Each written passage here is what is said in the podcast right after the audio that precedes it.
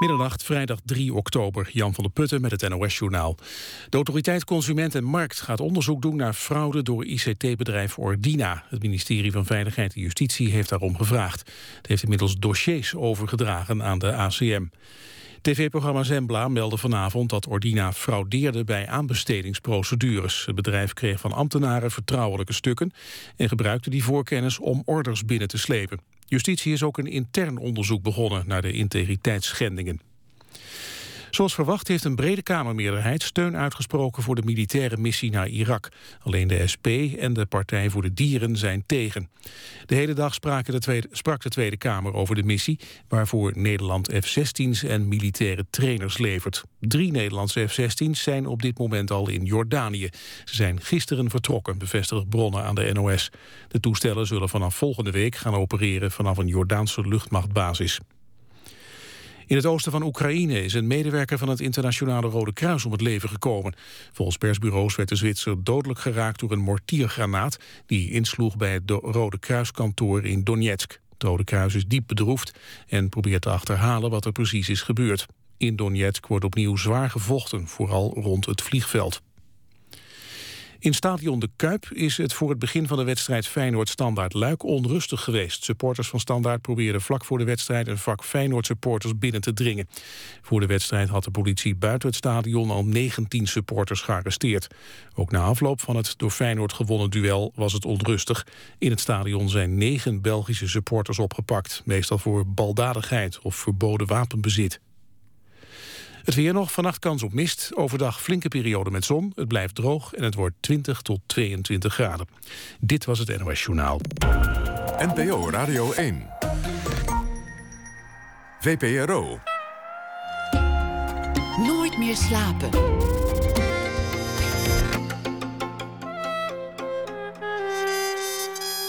Met Pieter van der Wielen. Goedenacht en welkom bij Nooit meer slapen. We moeten het erover hebben, de billen.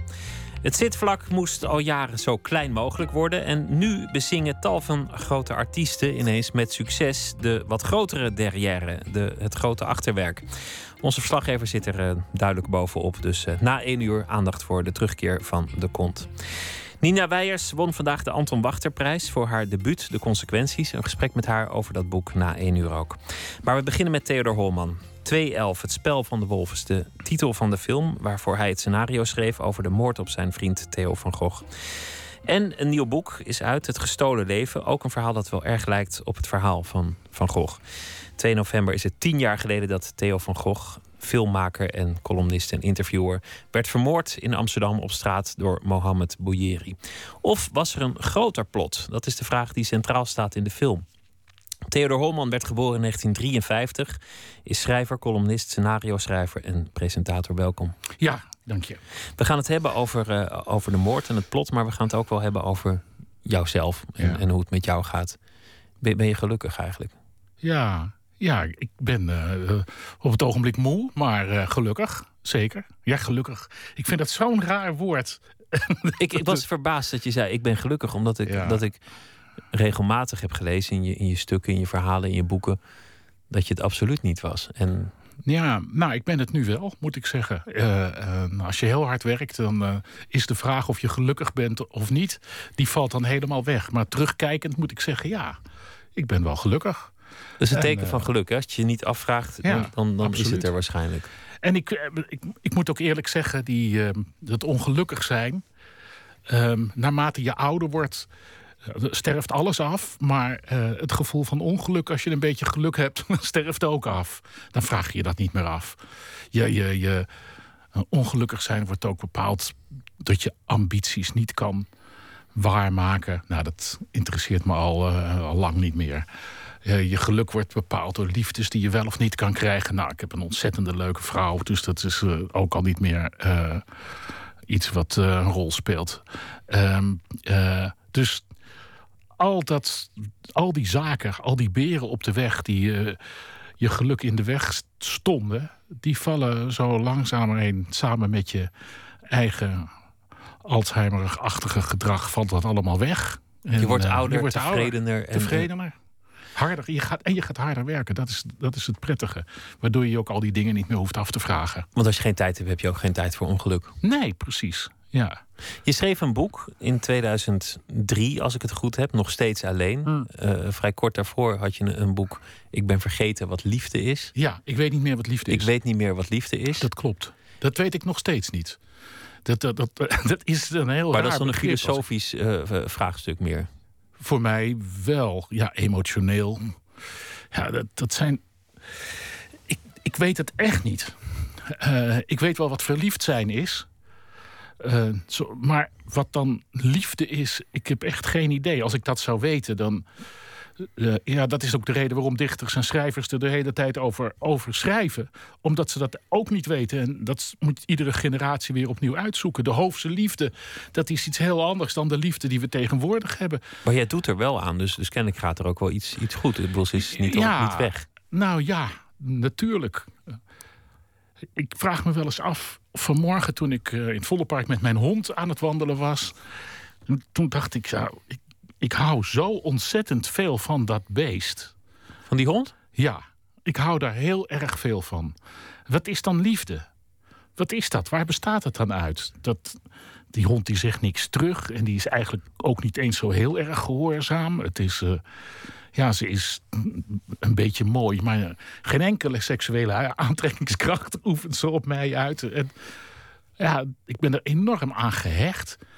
Maar als liefde gehechtheid is, dan is dat ook eh, nogal goedkoop. Dus ik weet het echt niet. Ik probeer dat wel, op het, eh, eh, ik probeer dat wel eens te deconstrueren. En de hele tijd blijf ik met lege handen zitten.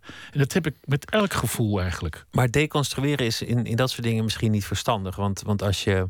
Ja, je kunt ook naar een Rembrandt kijken en zeggen: dit is, dit is doek met verf. En dan, dan heb Oh, je nog is- niet geraakt aan wat het in essentie is. Nee, maar dat zou ik, zo zou ik wel kunst beschrijven eigenlijk. Daar hou Nou ja, dan, van. als je het zo ziet, Doek is met verf en dan steeds meer. liefde is dan een, een hormonale gesteldheid eh, Oh, door, ja. door dopamine in je hersenen die in je, ergens in je Ja. frontaalkwap. eh, Nou ja, zo zou ik er het liefste over praten als we het erover zouden moeten hebben. Maar dat, dat, dat, dat bevredigt ook niet. Dat weet ik ook wel in het sociale contact.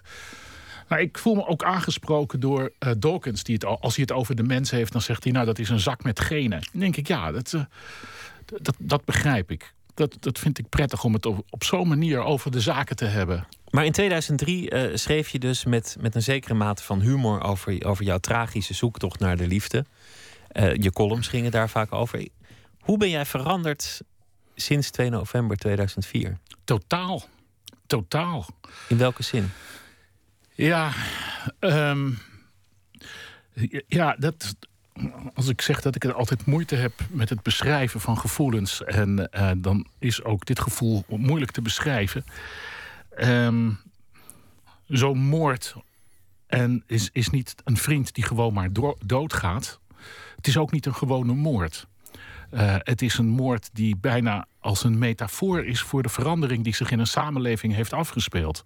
De moord op Theo van Gogh. Het was een moord op een kunstenaar. En die was ideologisch bevlogen. eh, is die, werd hij geïnspireerd. De moordenaar was een, eh, eh, was een moslim. En die, die vond dat Theo niet verder mocht leven om alles wat hij gezegd had. Nou, dat zijn zoveel elementen bij elkaar. Dat je over al die elementen moet je nagaan denken. Van wat is er eigenlijk aan de hand? En het confronteert je ook, wat ik een vervelend woord vind. ehm, maar het confronteert je ook met jezelf. Ik weet eigenlijk geen. Als ik nou zou schrijven, zou ik dat weer geschrapt hebben. Maar het confronteert je ook met jezelf.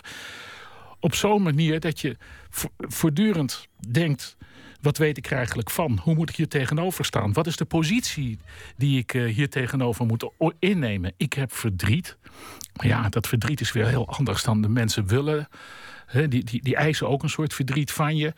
Al je gevoelens raken door elkaar heen. Je gaat op een andere manier denken. Je gaat dus ook op een andere manier kijken. En omdat je gaat anders gaat kijken en anders gaat denken, ga je op een andere manier voelen. Omdat je op een andere manier gaat voelen, ga je ook je anders gedragen. Eh, je, je krijgt dus ook andere ideeën. Je gaat andere boeken schrijven, andere mensen ontmoeten. Ik, begrijp je het enigszins wat ik bedoel? Nee, totaal niet. Gelukkig. te zijn. Het is, het is heel complex. Ja, het is heel complex. Maar het, het is ook. Gelaagd, complex. Gelaagd.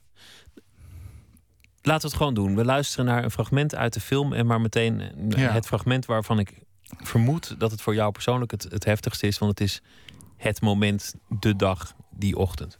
Goedemorgen. In Amsterdam zijn vanochtend twee schietpartijen geweest. Er zou sprake zijn van één persoon in kritieke toestand. Weet je daar wat van? Nou, het sterke gerucht doet hier de ronde dat dit om de cineast Theo van Gogh gaat. Ik denk dat heel veel mensen weten waar ze waren op 2 november 2004. Het, het heeft. Later wordt dat rustiger, misschien vergeet je het wel, maar, maar die, die staat waarin het land ineens verkeerde, dat dit hier kon gebeuren. De lawaaiige bijeenkomst in Amsterdam s'avonds. Mm Gerrit Salm, die, die toen nog uh, actief was in de politiek en die, die zei: Ons land is in oorlog. Ja. De vraag was dit een terroristische aanslag of was het gewoon een, mm. een moord? Maar vooral die knoop in ieders maag ja. dat zo'n mogelijke daad midden op straat in Amsterdam kon plaatsvinden. Ja, ja. Hoe ging het bij jou? Ik bedoel, wanneer hoorde jij voor het eerst? Hoe hoorde jij het? Ja, ik, ik, ik lag in bed. Het was, uh, ik was wel al wakker. Ik zou de hond uitlaten, maar ik werd gebeld door de krant. En de krant die zei: uh, Wij krijgen hier berichten dat Theo van Gogh is uh, neergeschoten. Of neergestoken, dat weet ik niet meer. In iedere, ik dacht, oh god, ik wist dat hij de avond daarvoor een soort bijeenkomst had gehad. En uh, ik denk, hij heeft natuurlijk weer ruzie zitten maken met alcohol, want hij was net weer gaan drinken. Maar op dat moment ging de telefoon weer het gesprek was afgelopen. En toen hoorde ik weer over Theo van Gogh. Er is iets gebeurd. En uh, in het Oosterpark. Ik had twintig minuten later of een half uur later had ik een afspraak met hem. Uh, om over de film 0605, daar zouden we de laatste montage van gaan bekijken. Over de moord op Fortuin? Ja, over de moord op Fortuin. En ons kantoor was op nog geen anderhalve minuut van mijn woning in de Van Breestraat. Ik woon in de Wilmsparkweg. Het kantoor was in de Van Breestraat. Dus ik schoot in mijn kleren en ging naar uh, het kantoor. En daar ontmoette ik Gijs en nog twee mensen. Gijs van de Westerlaken? Gijs van de Westerlaken. Zijn producer ja, en, de, de producent toen. En, uh, daar zat ook Alexandra, de secretaresse. En daar zat nog een vrouw die, uh, met wie wij de distributievoorwaarden zouden doornemen voor 0605. Uh, althans, Gijs en Theo zouden dat doen. En die had toevallig contacten bij de politie. En die belde op met haar man, collega, ik heb geen idee. En die bevestigde toen al van ja, het is Theo van Gogh. Dus A en B, hij is dood. Het gek genoeg is uh, dat je dat niet kan geloven. En je wacht tot er echt dat je officiële bevestiging krijgt. Maar op dat, vanaf dat moment. Ja, ik wist het al en ik keek naar buiten. En toen zag ik een uh, enorme hoeveelheid journalisten al aankomen. Op motoren, fotografen. Die kwamen allemaal voor dat kantoor staan. Ja, en dan krijg je, en wij bleven binnen. En dan krijg je de bevestiging van ja, hij is dood. En uh, dat is een heel raar moment, kan ik je vertellen. Dat je alles wordt je letterlijk uit handen geslagen. Je kan het ook niet geloven. Ik bedoel, hoe, zijn... hoe, lang zijn jullie daar samen gebleven in dat kantoor? Uh, Wanneer is nou, de eerste naar huis gegaan? Nee, we zijn echt een week lang in dat kantoor gebleven. Dat idee heb ik, dat is natuurlijk niet zo. Uh, Gijs en ik zijn onmiddellijk bij elkaar gaan zitten om een soort plan de campagne te maken. En we hebben gezegd, nou, we zijn journalisten. Theo was ook een soort journalist. We gaan meteen nu naar buiten en we staan de pers te woord, want die drong maar aan. En dat hebben we gedaan. We hebben de pers te woord gestaan. En, uh, en waarschijnlijk maar iets gezegd wat in je opkwam, want je hebt nog helemaal niet de rust als nee, je dat ik nu heb al gewoon, niet hebt. Uh, gezegd uh, wat, in, wat in ons opkwam. We wisten dat het, een, dat het een moslim was. Dat wisten we toen al die dat gedaan had. En we wisten dat hij dood was. En met die twee we wisten nog helemaal niet hoe. En uh, nou, daarom, zo zijn we meteen naar buiten gegaan en hebben iedereen te woord gestaan. Ondertussen werd de familie uh, gebeld en hebben we de familie gesproken, de familie uitgenodigd om naar kantoor te gaan. Ja, je telefoon staat niet stil. Alles en iedereen belt. Dus dat, is een, uh, dat was heel raar. Tien jaar verder zijn we bijna. over, een, over een maand, ja. precies. Ja. Zijn we tien jaar verder. Voelt het ook als tien jaar? Nee. Het voelt als zes weken geleden. Dat het zes weken geleden gebeurd is. Ik kan mij heel slecht voorstellen dat het tien jaar geleden gebeurd is. Dat, dat, het voelt helemaal niet zo. Dat zou een grotere afstand suggereren dan, er, dan ik dat uh, ervaar. Ik ervaar het als zes, zeven weken geleden. Je komt er nu op terug met een, een boek. Ja. Het, eigenlijk, ja, het, het boek is, is fictie, dus het gaat niet rechtstreeks over, Nee. over de moord van Gogh, maar het lijkt er wel heel erg op. Er wordt iemand vermoord door een, een, een moslim met een ideologische Ja. grondslag. En het is een, een vriend die in artistieke kringen verkeert. Kortom, het, het lijkt er wel erg op. Het, het is het tweede boek dat, dat raakt aan de moord op, eh, op Van Gogh. Ja. En, een, en een film. Waarom heb je die behoefte om nu... Het is het derde boek al. Het derde boek? Ja. Nou, Ja. Ik heb eerst geschreven Theo is dood. Dat was een jaar. Ik heb een jaar alleen maar columns over die moord geschreven. Ik ben eh, nog steeds de eh, hoofdredacteur van het Parool destijds, Erik van Gruithuizen, dankbaar dat ik dat mocht doen. Elke dag schreef ik over Theo van Gogh en de moord en Maar de- over wat ik meemaakte. als ik goed geïnformeerd ben, is er een moment geweest dat de redactie van Parool zei: Ja. Alsjeblieft, hou ermee op, kom ja, op. ja, Nou is mooi geweest. ja, klopt. En eh, toen heb ik gezegd: nee, ik ga door. En dat mocht van de hoofdredacteur. Die heeft nog wel gevraagd of ik wilde stoppen. En toen zei ik: nee, ik ga door. Het, eh, dat is fijn. Wa- waarom vond hij dat goed eigenlijk? Ja, omdat hij ook wel zag dat het een bijzonder project werd. Eh, het is natuurlijk heel raar als iemand eh, voortdurend niet als dagboek, maar echt als column schrijft wat er aan de hand is. En ik, ik zat bovenop verschillende zaken, want door die moord kwam je ook in aanraking met de politiek. Eh, daar kwam je opeens dichtbij, bij zaken die werden besloten. We hadden r- vreemde bijeenkomsten, merkwaardige ontmoetingen waarvoor we uitgenodigd werden. Nou, dat leverde steeds stof op om over te schrijven. En om ook op dat moment Nederland, dat was eigenlijk in het achterhoofd een doel van mij, Nederland in kaart te brengen. We hadden de moord van Fortuyn al gehad. En Theo en ik vonden dat eigenlijk al een, een draaipunt in onze samenleving. Maar toen werd Theo vermoord. En toen dacht ik, ik moet nou echt ook in kaart gaan brengen. Ook voor later. Ik ben tenslotte historicus. Wat er gebeurt. Is het En, ook, eh, is het ook een, een, een manier om Theo van Gogh in de herinnering te houden? Of, of heeft het er ook mee te maken dat je iets wil oplossen? Of is het gewoon je eigen rouwverwerking? Nee, alle drie een beetje, maar eh, niet echt. Eh, rouwverwerking, nou, daar ben ik niet zo heel veel van. Ik heb wel verdriet gehad en nog wel eens, bij wijze van spreken. Maar eh, nee, ik, ik wilde doorgaan met wat Theo en ik ook altijd deden. En dat was, wij wilden hit-and-run kunst maken. Dat, onze films waren zo, daarom maakten we ook columns. Dat was onze eh, ja, manier van kunst maken. En dat wilde ik ook doen. Wat je bezighoudt, daar moet je op dat moment over schrijven. En dit houdt jou al tien jaar bezig. Dat is het. Ik schrijf er niet tien jaar over, maar het houdt me wel bezig, ja. En het met e- enige, ja, het, om- omdat het ook, het blijft een soort, voor mij zeker, blijft het een soort toetssteen. Van hoe is het nu, wat, hè, wat maken we mee in Nederland? Ja, dan op een of andere manier heeft dat toch altijd met Van Gogh te maken. Voor mij in ieder geval. Kijk, nu, hè, ik heb net voordat ik hierheen kwam nog naar de debatten zitten kijken in de Kamer, in de Tweede Kamer, of we wel of niet ten strijde gaan trekken tegen de islamitische staat. En voor mij heeft dat zeker heeft het ook met enigszins met Theo te maken, hoe je het ook wendt of keert. De film is deze week in première gegaan. Heeft toch ook, die gaat rechtstreeks over Theo. Dus ehm, het is Nou ja, een soort toetssteen. In die zin dat Theo van Gogh door heel veel mensen werd gezien als een vervelende zeikert. Ja. Als hij het had over, over de islam. En dat inmiddels, denk ik, heel veel mensen er wel van doordrongen zijn dat er grote problematische dingen aan de hand zijn. Ja. En, en dat we dat met alleen goede wil en, en alleen zeggen, nou ja, tijd en, en, eh, en Ja. so- so- sociologische achterstanden, hoe je het ook noemt, gaan we, Ja. gaan we het oplossen. Ik denk dat, dat er in die zin onschuld is verloren. Ja, totaal. Ja. Na de moord op Theo hebben we vaak met de vrienden bij elkaar gezeten en dachten wij, hoe zou het over tien jaar zijn? En ik was er echt van overtuigd dat in die tien jaar dat er heel veel opgelost zou zijn. Ik weet nog heel goed dat ik met Hans Steven zat en Gijs. En toen zaten we te praten en toen vroegen we ons af... wie zijn nou eigenlijk de grote voormannen? We zijn journalisten. Wie moeten we nou bellen? De grote moslimvoormannen. Wie, wie gaan we dan bellen? Wie, wat je als journalist doet. We wisten het niet. Tien jaar later, nu zou ik het ook niet weten. Ik zou het echt niet weten.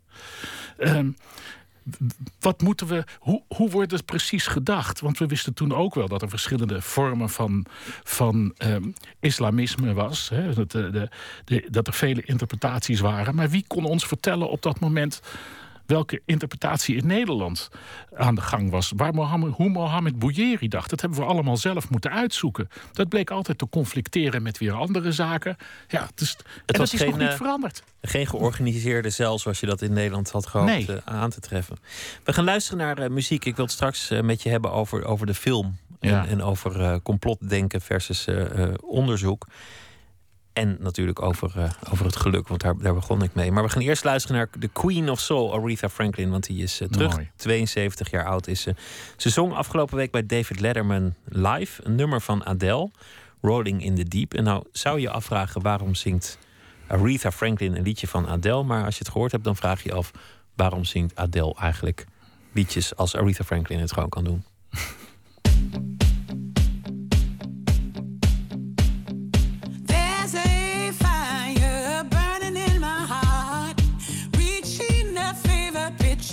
bringing me out of the dark. Finally, I can see it crystal clear. Go ahead and sell me out, and I'll lay your ship bare. See how I will leave with every part of you. Don't underestimate the things that I will do. a fire burning in my heart, reaching the fever pitch, and it's bringing me out of the dark the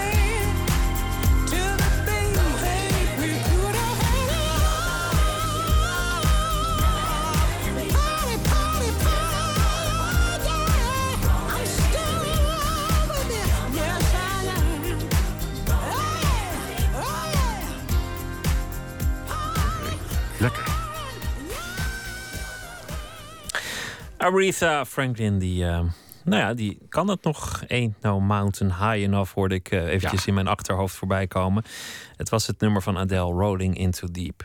Nooit meer slapen, in gesprek met Theodor Holman... naar aanleiding van eh, het nieuwe boek en eh, de film... over de moord op eh, Theo van Gogh. Nou kan ik me voorstellen dat veel mensen denken... ja, eigenlijk is het gewoon wel redelijk opgelost. En volgens mij is het in politietermen ook gewoon een, een opgeloste zaak. Ja. De Ja. dader is gevangen, de dader heeft bekend. Er zijn talloze getuigen die hem hebben gezien. Hij Ja. is ook veroordeeld. We zullen hem niet snel meer in het straatbeeld terugzien. En wat misschien bijna teleurstellend was, maar uit het proces weten we nu dat hij gewoon vermoord is door een godsdienstwaanzinnige, Ja. door een idioot. Ja. Theo zelf zou, zou waarschijnlijk zeggen: een geitenneuker. Nou, dit, als ze bestaan, dan was dit er één. Want milieu, Ja. Van de week eh, eh, zei eh, Gijs van der Westerlaken... je zou eigenlijk Theo van Gogh een betere moordenaar hebben Ja, ja, toegewenst. ja. Dat vond ik een hele dat- mooie uitspraak. Ja, ik, ik heb dat ook wel eens gezegd en beschreven. Omdat het zo'n ontzettende domme lul is, merkten we tijdens het proces. En hij richtte zich, hij sprak eigenlijk nauwelijks, maar hij heeft zich één keer tot eh, de moeder van Theo van Gogh gericht. En ja, wat hij toen aan het, uitkraamde, aan het uitkramen was, dat was wartaal. En pijnlijk en, slecht geformuleerd. Met een merkwaardig accent, waarbij je dacht: van, spreek je wel Nederlands? Hoe is het in godsnaam mogelijk dat jij je HAVO gehaald hebt? Want dat had hij blijkbaar gehaald. En eh, vanaf dat moment hebben we vaak tegen elkaar gezegd... eigenlijk verdiende Van Gogh wel een betere moordenaar... dan zo'n ontzettende domme zak. En, eh, eh, maar ja, goed, dat kreeg hij nou eenmaal niet. Dan is toch de vraag, en daar gaat het in de film over... was er een groter plot? Want Ja, Bouyeri was lid van die Hofstadgroep. ja. Heeft de Hofstadgroep ooit bestaan? Is, is ook een vraag die weer wordt gesteld in, eh in, in terroristen-watcherskringen, zeg maar. Waarom zou jij denken dat het zo is dat er toch een groter plot is? Dat er meer betrokkenen zijn geweest? Ja, kijk, omdat in de afgelopen tien jaar is er zoveel feitenmateriaal naar boven gekomen waaraan eigenlijk geen aandacht werd besteed. Wij hebben ons al meteen van het begin af aan afgevraagd: het kan niet zo zijn dat er maar één moordenaar is. Eh, want er, is een wapen gebruikt. Waar komt dat wapen vandaan? Er zijn messen gebruikt. Waar komt dat vandaan? Eh, we hadden al vrij snel door dat er ehm, eh, eh, eh, dat de Hofstadgroep en Mohammed Bouyeri zelf ook door de geheime dienst werd onderzocht.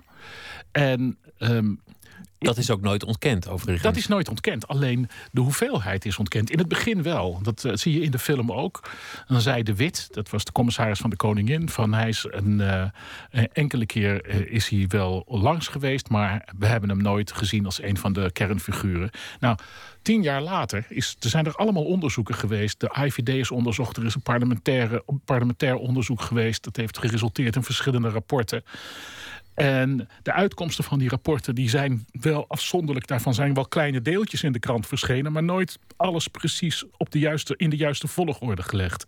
En als je dat doet, en dat hebben Gijs en ik gedaan, Gijs van der Westerlaak en ik, dan rijst er een heel ander beeld uit van die Hofstadgroep, van de mensen die daar werkten, maar ook ook eh, eh, van de AIVD, hoe die daarmee om is gegaan. En ook van de politiek, hoe die daarmee is omgegaan. En daarom dachten we, we krijgen dit niet rond in journalistieke termen. Eh, zoals Theo de moord op Fortuin in journalistieke termen niet rondkreeg... en toen 0605 gemaakt heeft. Toen hebben wij gedacht, dan gaan we eh 2-11 maken, het spel van de wolf. Namelijk toch, ook al krijgen we het niet rond... maar dan gaan we er mooie fictie van maken. Zo had het kunnen zijn. Zo had het kunnen zijn. En Dat zo is- is het ook volgens, volgens ons. Dan is eigenlijk in, in iedere zaak waarin je een crimineel schaduwt, laten we aannemen dat voor terroristen hetzelfde werkt, dat ingrijpen betekent je hele onderzoek opblazen. Ja. Je hebt ergens misschien microfoontjes geplaatst, je hebt misschien mensen die voor jou werken, je hebt eh, Ja. eh, Ja. eh, een mol erop uitgestuurd, die heb je als infiltrant opgeleid. ja. Op het moment dat je iemand arresteert, dan, dan moet je helemaal opnieuw beginnen. Ja. Kortom, ingrijpen of niet, is de informatie die je hebt belangrijk genoeg om in te grijpen. De suggestie van de film is een Theo is eventueel geofferd. Theo was niet belangrijk genoeg. Ja. Ze moesten een keuze maken. En ze hebben eh, Theo, ze wisten dat, die, eh, dat ze Theo op het oog hadden, de Hofstadgroep Theo op het oog hadden. En ze hebben hem geofferd. Dat is wat wij denken. Ja, Kijk, als ze hadden kunnen ingrijpen, als ze precies het juiste moment hadden geweten waarop Mohamed Bouyeri Theo zou eh, vermoorden, dan hadden ze misschien wel kunnen ingrijpen. En dat hadden ze misschien ook wel gedaan, dat geloof ik ook. Maar ze hebben toch voortdurend de afweging gemaakt: wat gaan we doen? Laten we die Hofstandgroep verder gaan? Eh, eh, of ja, grijpen we in? En, en, en ik denk zelf op basis van al die rapporten die we gelezen hebben, en al die dingen, dat ze Theo geofferd hebben. In augustus 2004, toen ehm, de film van Ayaan Hirsi Ali Ja. werd uitgezonden, eh, toen, toen sprak ik Theo van Gogh. Hij zou naar Hilversum komen voor een interview. Ehm, kort voor die uitzending werd ik gebeld door de politie van Hilversum. Ja. En die zei: Wij willen liever dat dat interview niet doorgaat in de studio. Kan je telefonisch doen, wij vinden het riskant. Ja, Daar heb ik Theo van Gogh over gebeld. Die deed er ontzettend lacherig over. ja. Dat begreep ik op dat moment wel. want Het kwam op mij ook overdreven over. Dat is die, die naïviteit misschien. ja.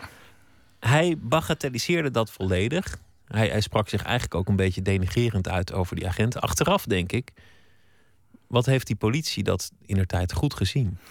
Ja, maar ook hoe wisten ze dat Theo van Gogh op het oog was? Niet alleen door die film, want je zou zeggen die film die was over Ayaan. Maar goed. Het stond eh, op teletext. Er, het, er was het iemand, stond op teletext. stond op maar- teletext aangekondigd dat hij zou langskomen. eh, dat, die, dat die bij jou langs zou komen. Of bij de, de VPRO langs zou komen. Ja, of ik weet niet eens meer welke omroep Ja, het was. kijk, maar dat, ja. Weet je wat zo raar is met die film Submission? Dat, dat, dat vergeten de mensen, maar die is uitgezonden. Daarna is er hele, een hele tijd geen dreiging geweest. Want eh, die film is bijvoorbeeld ook uitgezonden in Afghanistan. En de, die is daar gebruikt in Afghanistan om aan vrouwen te laten zien. Niets gebeurd. Er was niet, geen demonstratie, geen vlag verbrand, helemaal niets. Hij is bij Al Jazeera geweest. Niets gebeurd. Dus er was een fragment trouwens daar bij Al Jazeera. Theo had daar ook trouwens ook contacten mee, want hij zou nog voor Al Jazeera iets gaan maken, gek genoeg. Dus er was voor hem ook geen aanleiding om zich heel erg bedreigd te voelen. Er waren wel bedreigingen geuit tegen boekhandelaren die eh Allah weet het beter had, eh, gingen verkopen. En daar was ook zelfs door Remke zelf op aangedrongen dat Theo beveiligd zou worden, voor een deel. Maar ja, die beveiliging die was inderdaad alleen maar van 9 tot 5. Wat Theo de opmerking uitlokte: ik hoop dat Al-Qaeda zich houdt aan de tijden van de Amsterdamse politie. Zo zat het een beetje. Maar hij dacht zelf absoluut niet dat ze hem iets zouden doen. Hij, hij noemde Nee. zichzelf een clown. En eigenlijk is dat Dorpsgekje. achteraf paradoxaal dat hij het gevaar van de islam als beweging, als geheel heeft gezien. Maar wanneer het over hemzelf ging, volledig heeft gebagatelliseerd. Dus Ja. hij preekte. Er is een groot gevaar binnen onze grenzen, namelijk radicale islamisten. Maar als het over hemzelf ging, dan dacht hij toch. Nou ja, zo- zo'n vaart loopt het niet. Nee, net als ik, ik kon het me toen ook niet voorstellen. Ik kon het me echt niet voorstellen dat het zo ver zou gaan. Dat, dat, kon- mijn vader was islamoloog, die was al gestorven. En die heeft ook wel eens gezegd dat het eh, eh, een totaal andere mentaliteit was dan wij kenden. En eh, ja. ook- Maar als, Theo het zich niet kon voorstellen, als jij het je niet kon voorstellen, dan is het eigenlijk toch ook aannemelijk dat ze het zich gewoon bij de AIVD niet konden voorstellen. Dat ze daar gewoon niet op Ja. hebben gelet, omdat ze dachten, nou ja, Nou ja, dat is ook zeker. Maar ik, de- van, dat gaat niet gebeuren. Maar er waren al. Ja, ja, je hebt gelijk. Was het niet zo dat er al. ehm, dat die mensen contacten hadden. De Hofstadgroep. En ook Mohammed Bouyeri. Met Al-Qaeda-kopstukken. Dus gewoon zat in de telefoon. Hebben ze van zijn telefoon hebben ze ingepikt. En toen afgeluisterd. eh, de nummers gecontroleerd. Toen bleek dat hij eh, met een Al-Qaeda-kopstuk te maken had. Nou, dat is toch wel iets anders dan gewoon. Hè? Dus dan hadden ze al voorzichtig moeten zijn. Wat gaat er gebeuren? Er werd geaast op Wilders in die tijd al. Die werd al beveiligd. Er werd geaast op Ayaan Hirsi Ali. Die zaten bij elkaar in hetzelfde safehouse. Die moesten. eh, dus ehm, er was absoluut een dreiging. En dat, dat er gedreigd werd, dat wisten ze door Ayaan en Wilders en alles wat er omheen hing. En dat was Maar- met maar Theo Van ook Gogh, het die- geval. Van Gogh was bijvangst. Ze konden, ze konden Ayaan niet krijgen en toen dachten ze, nou ja, dan, dan nemen we Van Gogh. De vraag is natuurlijk, was dit, om, om, ja, om het zeg maar in eh, franchise-termen Ja. te, te spreken, was dit lokaal initiatief? Of kwam dit echt vanuit Al-Qaeda. Eigenlijk gaan alle terrorisme-experts er altijd van uit dat dit lokaal initiatief was. Ja, in onze film beweren wij. eh, ik wil niet al te veel eh, spoiler weggeven, maar eh, in onze film beweren wij dat, het, dat Theo geofferd is voor een hoger doel. En dat doel, ja, dat was dan toch Bin Laden. En eh, dat ze dat wilden hebben. Daarvoor zijn aanwijzingen, echt heel veel aanwijzingen. En ehm, eh, we weten ook dat de AIVD daar eh, contacten mee heeft gehad. Omdat het is de vader van eh, Theo zelf geweest die ons gewezen heeft op eh, operatie Mongool. Die heeft hij in zijn tijd, dat was het, het runnen van een eh, communistische cel. Om te kijken hoe het hier in Nederland toeging met de communisten. Ja, en dat is altijd doorgegaan. Dat hebben de Amerikanen van ons overgenomen. eh, eh, om dan alles in de gaten te houden. Dat hebben ze bij die jongens in Boston hebben ze dat ook gedaan. Dat, die, daar hebben ze ook zitten runnen. Hè, dat, dat, is, een Nederlandse uitvinding geweest. En ehm, ja, zo wisten wij ook. Daardoor kwamen wij erachter dat ook bij de Hofstadgroep de mensen gerund werden. Eh, bijzonder interessant om dat te merken. Waarom wil je dit zo graag oplossen? Want ik, kan niet anders dan vermoeden dat er toch ook een, een emotionele, persoonlijke component achter zit. Dat, Nou, het, dat het niet alleen wel. gaat woede. om woede. Ja, woede. Dat we het niet weten. Het is, eh, de, de kern van de film is dat er. eh, we weten dat de Hofstadgroep is afgeluisterd. Daar zijn dus banden van. Maar die banden, voor 2 november, zijn die ver- vernietigd, zeggen ze. Waarom? Waarom zijn die vernietigd? Ik heb wel begrepen dat, dat, ze, dat ze zoveel meters band eh, runden, als, als dat band is, Ja. of zoveel meters opnames, dat eigenlijk alles waar niet, niet, afgeluisterd kon worden. Nee, dat alles werd meteen gewist, tenzij wanneer er iets tussen Ja, zat dat- wat van belang was. Ja, nou, het lijkt me dunkt dat Bij, bij, de blokker, bij de blokker bewaren ze ook niet tien jaar beveiligingscamera. Nee, maar dit is, dit is wel erg toevallig dat ze het na 2 november wel allemaal hebben bewaard. Voor 2 november niet. Terwijl ook Ayaan werd bedreigd, Wilders werd bedreigd. Ook door diezelfde mensen van de Hofstadgroep. Daar waren, ze wisten al dat er wapens in huis waren. Ze wisten al waar die wapens vandaan kwamen. Ja, me dunkt dat je dan alles wil afluisteren. Er waren contacten met andere Hofstadgroepleden. Er waren buitenlandse contacten met Spaanse mensen, Spaanse strijders. Nou, ja, ik kan zo wel doorgaan. Dus eh, eh, dat er niks bijzonders op stond, is raar. En dan nog, het is een hele ambtelijke organisatie, hè, de AIVD, voor zover ik dat nu ken. Een ambtelijke organisatie kenmerkt zich doordat ze alles ook heel goed verwerken. Alles moet verantwoord zijn, zeker bij de AIVD. Je hebt ook gewoon een bevel nodig van vernietiging als je iets vernietigt. Dus er moet ook een bevel van vernietiging zijn voor die tapes. Is nooit naar gevraagd, ook door de politiek. Ik hoop dat ze dat wel, nu wel gaan doen. Is nooit boven tafel gekomen.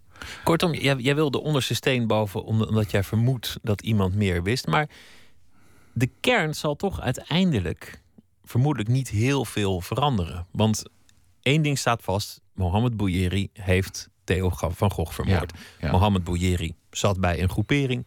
Die groepering werd in de gaten gehouden door de IVD, maar de IVD wist niet precies hoe het zat.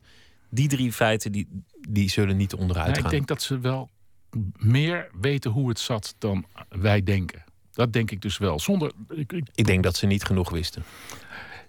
ja, niet genoeg. Wanneer weet je genoeg? Want. Je weet alleen. Nee, precies. Dus dat, dat, kan je redelijk veilig zeggen. Maar ze wisten wel genoeg om misschien wel op tijd te hebben ingegrepen. Kijk, laat, volg mijn scenario. Stel dat ze het hebben geweten. Dan zou dan en dat zou boven tafel gekomen zijn. Dan zou dat betekend hebben dat ten eerste de Kamer verkeerd was voorgelicht door Remkes en Donner. Die hadden dan moeten aftreden. Als er twee ministers aftreden om zo'n belangrijke zaak, dan had het ook betekend dat het kabinet misschien wel gevallen was. Want dan had de minister-president moeten aftreden. Eh, dus er waren voortdurend. re- Ook zijn er redenen om aan te nemen dat ze hebben gezegd van nou, stel ons niet op de hoogte, AIVD, van wat je weet. Dat is die bekende need to know waar de AIVD de hele tijd mee schermt. Maar ook die ministers mee schermen. Maar je, je zegt nu als dan, als dan, als dan. Ja. We, we kunnen heel lang doorgaan in ieder detail. Was er wel een bandje? Was er niet een contact? Was, er, was er dit? Daar, daar zouden we, nou ja, ik kan zendtijd vragen tot acht uur 's ochtends over, over door kunnen praten. Wanneer, wanneer laat je het los? Ik weet niet wat je met de zin wanneer laat je het los bedoelt. Niet, niet, Nou ja, kijk, van mij mag je er, mag je er onderzoek naar doen en de, en de onderste steen boven krijgen. Maar wanneer hou je op met publiceren over al die theorieën en, en over oh, al met die, theorieën ben ik klaar. Maar eh, met schrijven over Theo van Gogh. Ik heb, ik heb een, een roman gemaakt die totaal iets anders belicht. Die, die de, de- meer een Woody Allen-achtig eh, verhaal willen maken. Met ab- absurde dingen. Eh, dus dat is een heel ander idee. Ehm, ik heb eh, eh, vijf jaar geleden heb ik eh, eh, 211 sonnetten over mijn vriendschap met Theo geschreven. Dat is weer een andere invalshoek. Maar ik zal wel altijd over hem blijven schrijven en er cultuur van maken. Omdat ik pas denk dat iemand bestaat als er ook cultuur omheen is. Ben je bang dat hij niet meer zou bestaan als jij dat niet zou doen?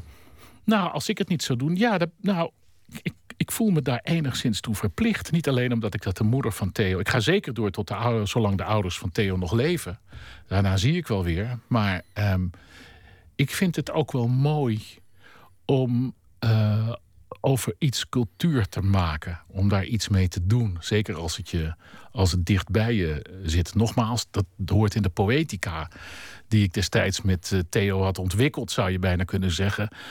Eh, wat ons beweegt, daar gaan we iets over maken. Snel en dan weer weg. Het hoeft niet perfect te zijn. dat, doen, dat doen de estheten Maar maar. het was, het was bijzonder dat de hoofdredacteur van Parool zei van... nou, oké, ik, ik vind het eigenlijk wel bijzonder, ga ik hiermee door? Ja, Hij had natuurlijk kunnen zeggen, nou is het echt afgelopen hoor. Nog één Ja. column over Theo en, En dan houden we eh, op. En dan, dan, dan, dan wordt je pasje ingeleverd. ja, ja, had hij kunnen doen. Het publiek kan dat in zekere zin ook doen. Zeker. Ja, je kwelt ook het publiek. Maar ja, dat, dat hoort. Dat, dat vonden we leuk. Ik bedoel, En dat vind je nog steeds leuk ja, ja, ja, dat deed dat. dat er wordt te weinig, het publiek wordt te weinig gekweld en wordt te veel naar de mond gepraat. En, eh, ehm, dus dat vonden we ook leuk. Dat vonden Theo en ik leuk om te doen. Zo Zou, Theo het, hetzelfde voor jou hebben gedaan? Oh nee, vast niet. Maar dat is, hij was een totaal andere persoonlijkheid dan ik. Ja, dat hoeft ook niet, maar hij zou weer andere dingen hebben gedaan. Kijk, als ik vermoord was, dan zou hij dat eh, wel een film van hebben gemaakt, vermoed ik, maar totaal anders. Nee, dat, eh, dat, dat niet. Hij zou dat op een hele andere manier hebben opgelost. En dat is mooi, dat is goed. Ieder, ieder op zijn ja, manier. ieder op zijn manier. Laten we weer lu- luisteren naar een, eh, een liedje. Weer een dame op leeftijd. Marianne Faithful. Ach, daar was ik zo verliefd op. En het gaat over missen. En, en eh, nou ja, dat is natuurlijk uiteindelijk ook waar, waar we het in dit gesprek Ja. in essentie over hebben. I get along without you very well.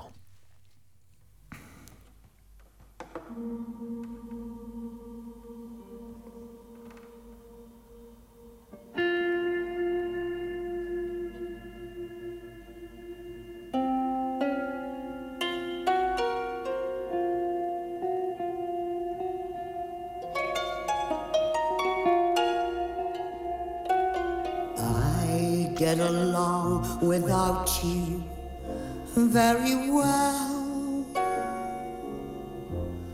Of course I do.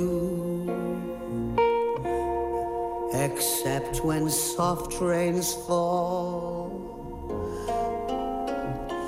and drip from leaves, then I recall the thrill of being sheltered in your arms. Of course, I do.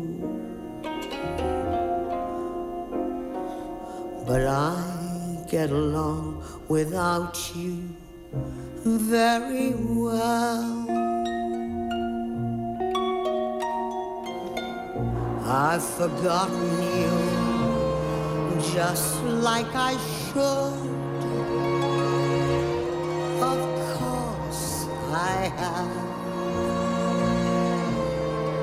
Except to hear your name or someone's laugh that is the same.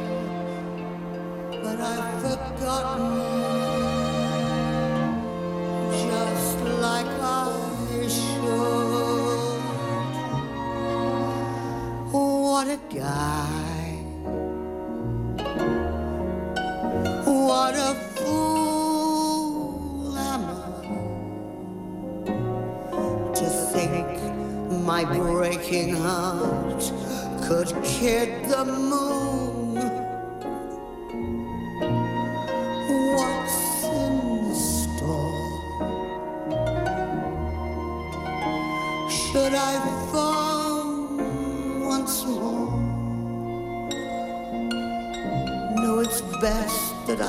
Stick to my tune.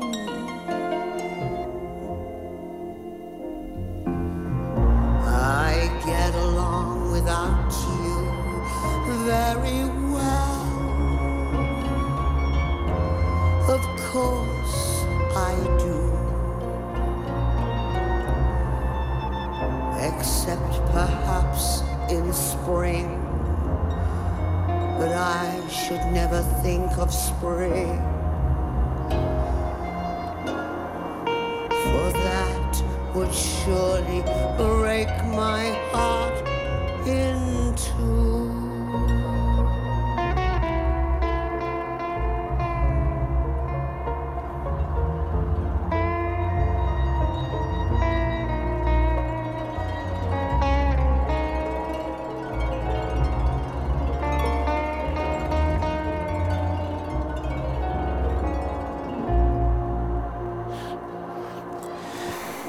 Binnenkort eh, staat ze in Carré in Amsterdam, Marianne Faithful. Waarom eh, zingt Aretha Franklin niet ook gewoon een eh, uitvoering hiervan? Ja. Van, I Get Along Without Nou ja, You vind, Farewell. ik vind haar wel prachtig. Marianne Echt, Faithful is prachtig. En ook al die mooie stem. Ja, echt. Ja, is mooi. Maar na Aretha Franklin... Maar, nou ja, ja, goed. ja. Theodor Holman zit tegenover me. We hebben, ik begon ermee, ben je gelukkig? En jij zei ja, ik ben gelukkig. Ja. Terwijl je, terwijl je Ja. een, een oeuvre hebt opgebouwd over het ongelukkig zijn. Je, je- hebt, je hebt Ja. geschreven eh, in, in 2003... Als je ongelukkig bent, dan verlang je terug naar het verleden... terwijl je dat verleden alleen maar kunt zien met een rouwrand. ja, klopt. Vond Dat ik, is een, vond ik een hele mooie zin. Ja, Het lijkt alsof dat achter je ligt. De zoektocht naar de liefde, je Oh. zei, is vervuld. Ik, ik heb een hele fijne vrouw.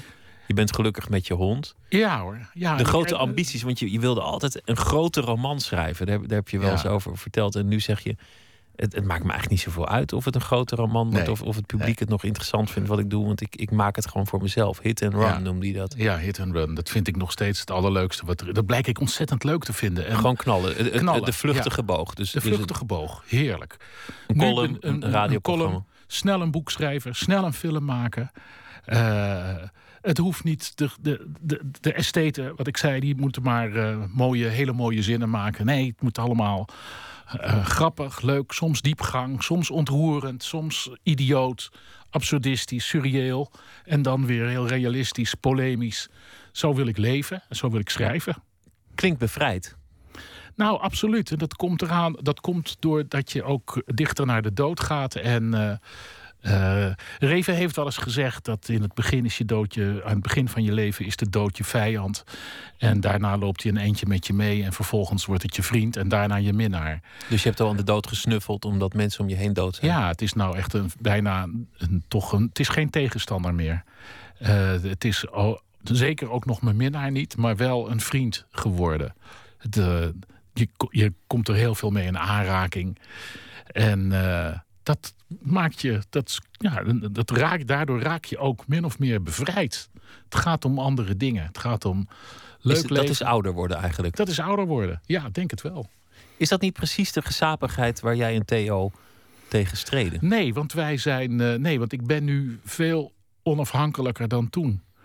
Eh, ik ben ook anders opge niet anders opgevoed dan Theo. Want ik denk dat we alle twee een uitstekende, keurige opvoeding hebben gehad. Maar ik ben natuurlijk wel een hele andere persoonlijkheid. Eh, ik ben eh, iets minder meteen van op tafel slaan en schreeuwen. Hoewel ik dat ook wel kan. En dat vind ik ook wel leuk om te doen. En ik zou heel graag willen dat andere mensen dat ook deden. Het is een zekere vorm van beschaving. Een laatste restje van een beschaving dat ik dat niet doe. Maar, Maar- The- Theo van Gogh was voor een deel zo'n interessante man, omdat het niet per definitie een heel aardige man was. Althans, Nee. dat, dat, dat is niet, niet leuk om te zeggen dat iemand niet aardig is, maar empathie was. Nee, dat was niet vreemd. zijn- nee, dat had hij niet. Het was nee. geen sterk punt van hem, Nee. empathie. Maar daardoor dat. Kijk, eh, Theo begreep eigenlijk de mensen niet. Dat is echt waar. Hij begreep de mensen niet. Maar daardoor wil, was het toch een- voelde hij zich zo enorm thuis als hij kon regisseren. Daar kon hij God zijn. Hij kon dan alles bepalen. Hij kon letterlijk de regisseur zijn. Wat ik altijd heel mooi van Theo vond, dat zijn scènes. Die kon hij heel goed regisseren. Hij had geen oog voor het verhaal. Het narratief, dat begreep hij. Hij heeft me zo vaak opgebeld van... ik begrijp eigenlijk niks van dit verhaal. Echt waar. Maar hij, het ging hem tussen twee mensen, of drie mensen.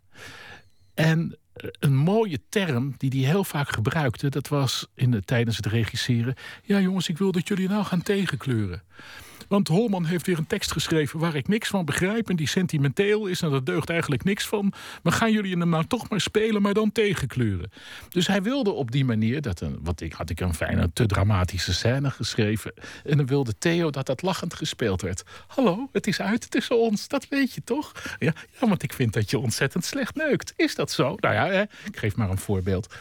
En, eh, en dat, dan genoot Theo, want dan beheerste hij de materie. Maar wat beheerste hij dan? Hij, hij begreep de gevoelens die daarachter moesten zitten, want hij had ze zelf gemaakt.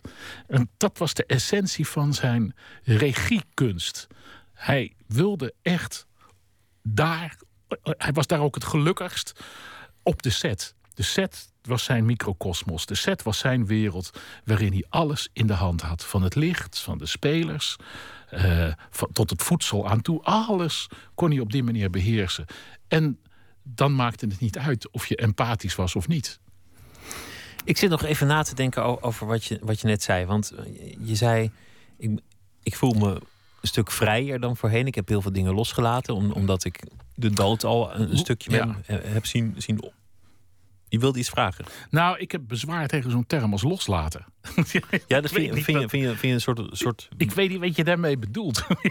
Nou ja, ja, dat klinkt misschien ook heel incontinent, hè? eh, eh, loslaten. Maar je hebt jezelf bevrijd van een hoop thema's op de een of andere manier die in je werk altijd heel erg naar voren kwamen. De mislukkende liefde, de zoek naar de hoge Nou, ik- kunst. Nou, die hoge kunst. Ja, kijk, ik, ik vind mislukking iets anders dan ongelukkig zijn. Ik vind eh, dat, dat de mens meer een. eh, ik ben een oude existentialist.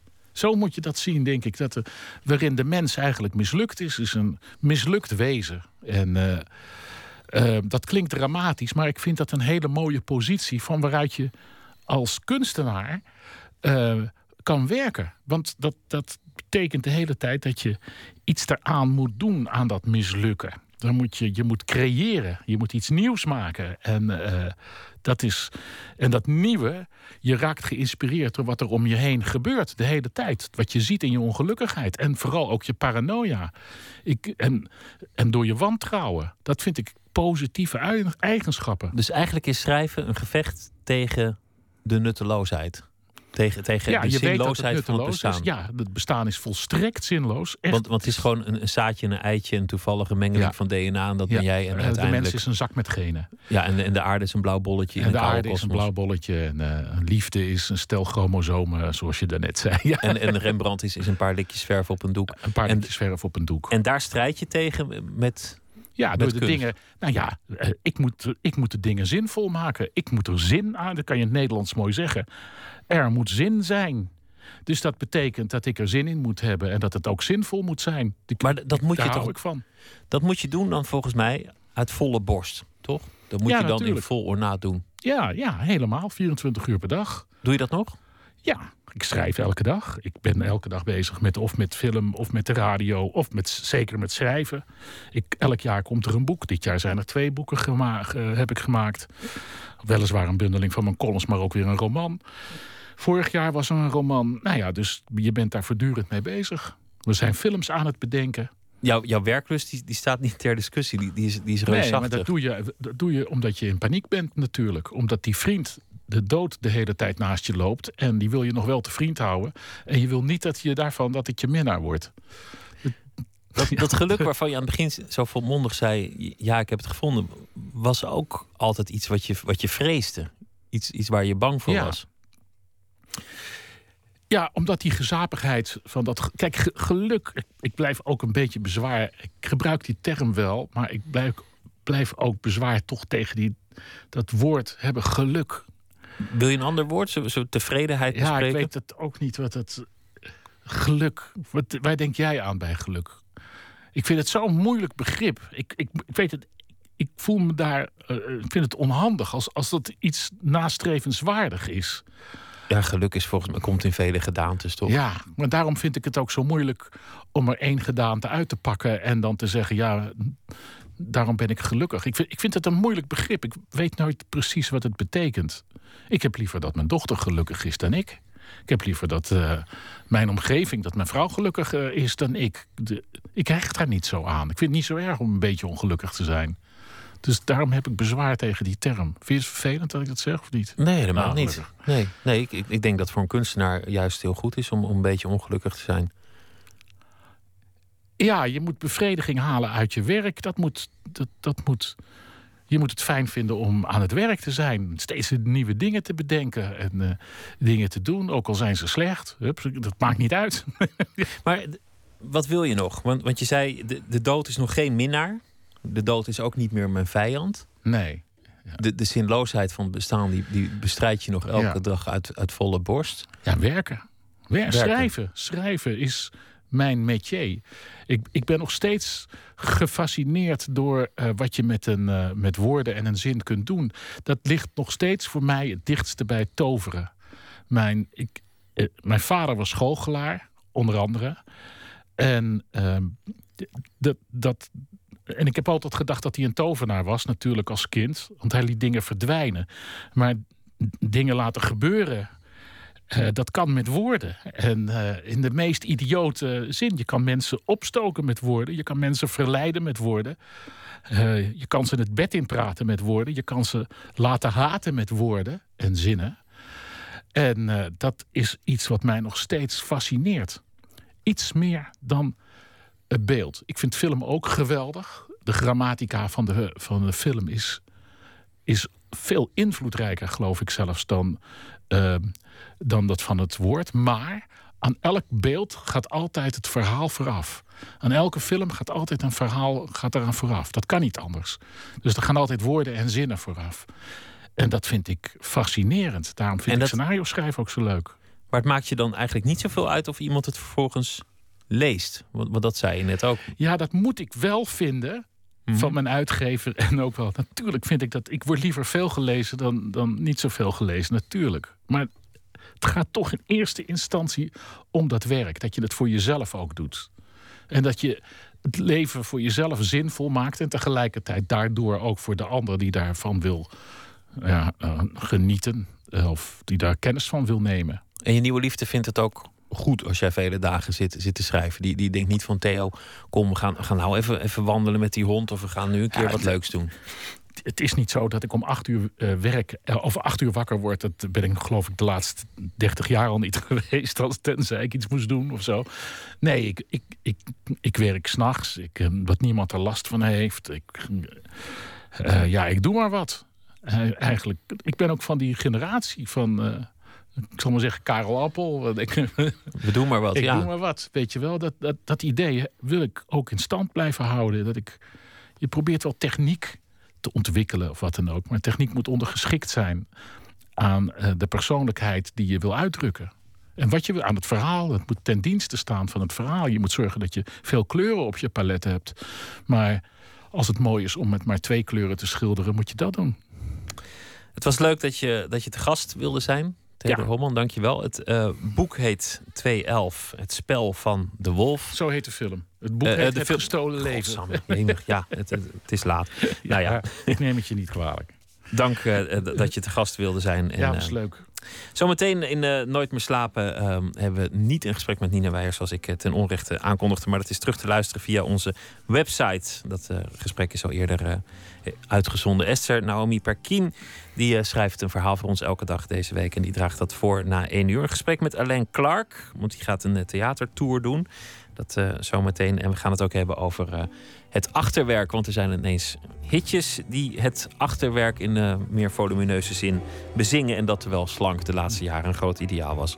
Ook daar moeten we aandacht aan besteden. Dat allemaal straks in Nooit meer slapen. Twitter, @vpro_nms Of de mail nooitmeerslapen.vpro.nl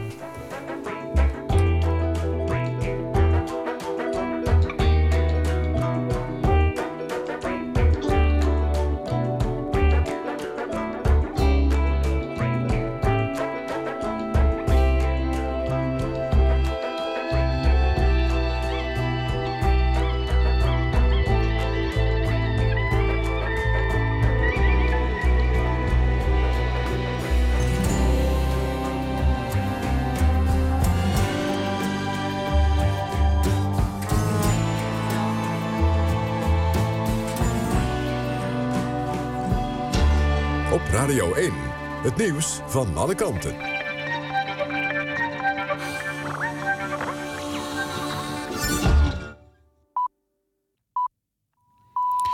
1 uur, Jan van der Putten met het NOS-journaal. Op het Schelde-Rijnkanaal, ten westen van Bergen-op-Zoom... is een vrachtschip in aanvaring gekomen met een passagiersschip en gezonken. De twee opvarenden zijn ongedeerd. Het vrachtschip was geladen met zout. De toedracht van de aanvaring is nog onduidelijk. Het scheepvaartverkeer is stilgelegd. Het Schelde-Rijnkanaal is een belangrijke verbinding... tussen het Volkerak en de haven van Antwerpen. De Nederlandse F-16's kunnen vanaf volgende week worden ingezet voor bombardementen in Irak. Premier Rutte zei dat aan het eind van het Kamerdebat over de militaire missie tegen IS. In Jordanië worden in totaal acht Nederlandse F-16's gestationeerd. Drie toestellen zijn woensdag al vertrokken, de andere gaan de komende dagen. Twee van de toestellen zijn reserve. De Tweede Kamer heeft gisteren bijna de hele dag over de missie vergaderd. Zoals verwacht sprak een brede Kamermeerderheid zijn steun ervoor uit. Premier Rutte bleef erbij dat er op dit moment geen internationale juridische basis is om de missie uit te breiden naar Syrië. De autoriteit Consument en Markt gaat onderzoek doen naar fraude door ICT-bedrijf Ordina. Het ministerie van Veiligheid en Justitie heeft daarom gevraagd. Het heeft inmiddels dossiers overgedragen aan de ACM. TV-programma Zembla meldt dat Ordina fraudeerde bij aanbestedingsprocedures. Het bedrijf kreeg van ambtenaren vertrouwelijke stukken... en gebruikte die voorkennis om orders binnen te slepen. Justitie is ook een intern onderzoek begonnen naar de integriteitsschendingen. In stadion De Kuip is voor het begin van de wedstrijd Feyenoord-Standaard Luik is het onrustig geweest. Supporters van Standaard probeerden een vak Feyenoord-supporters binnen te dringen. Ze vernielden een hek en raakten slaags met stewards. De politie arresteerde buiten het stadion 19 supporters. Binnen werden nog eens 9 Belgen opgepakt. Meestal vanwege baldadigheid of verboden wapenbezit. Feyenoord won de wedstrijd met 2-1. Het weer, vannacht kans op mist. Overdag flinke periode met zon. Het blijft droog en het wordt 20 tot 22 graden. Dit was het NOS Journaal. NPO Radio 1. VPRO. Nooit meer slapen.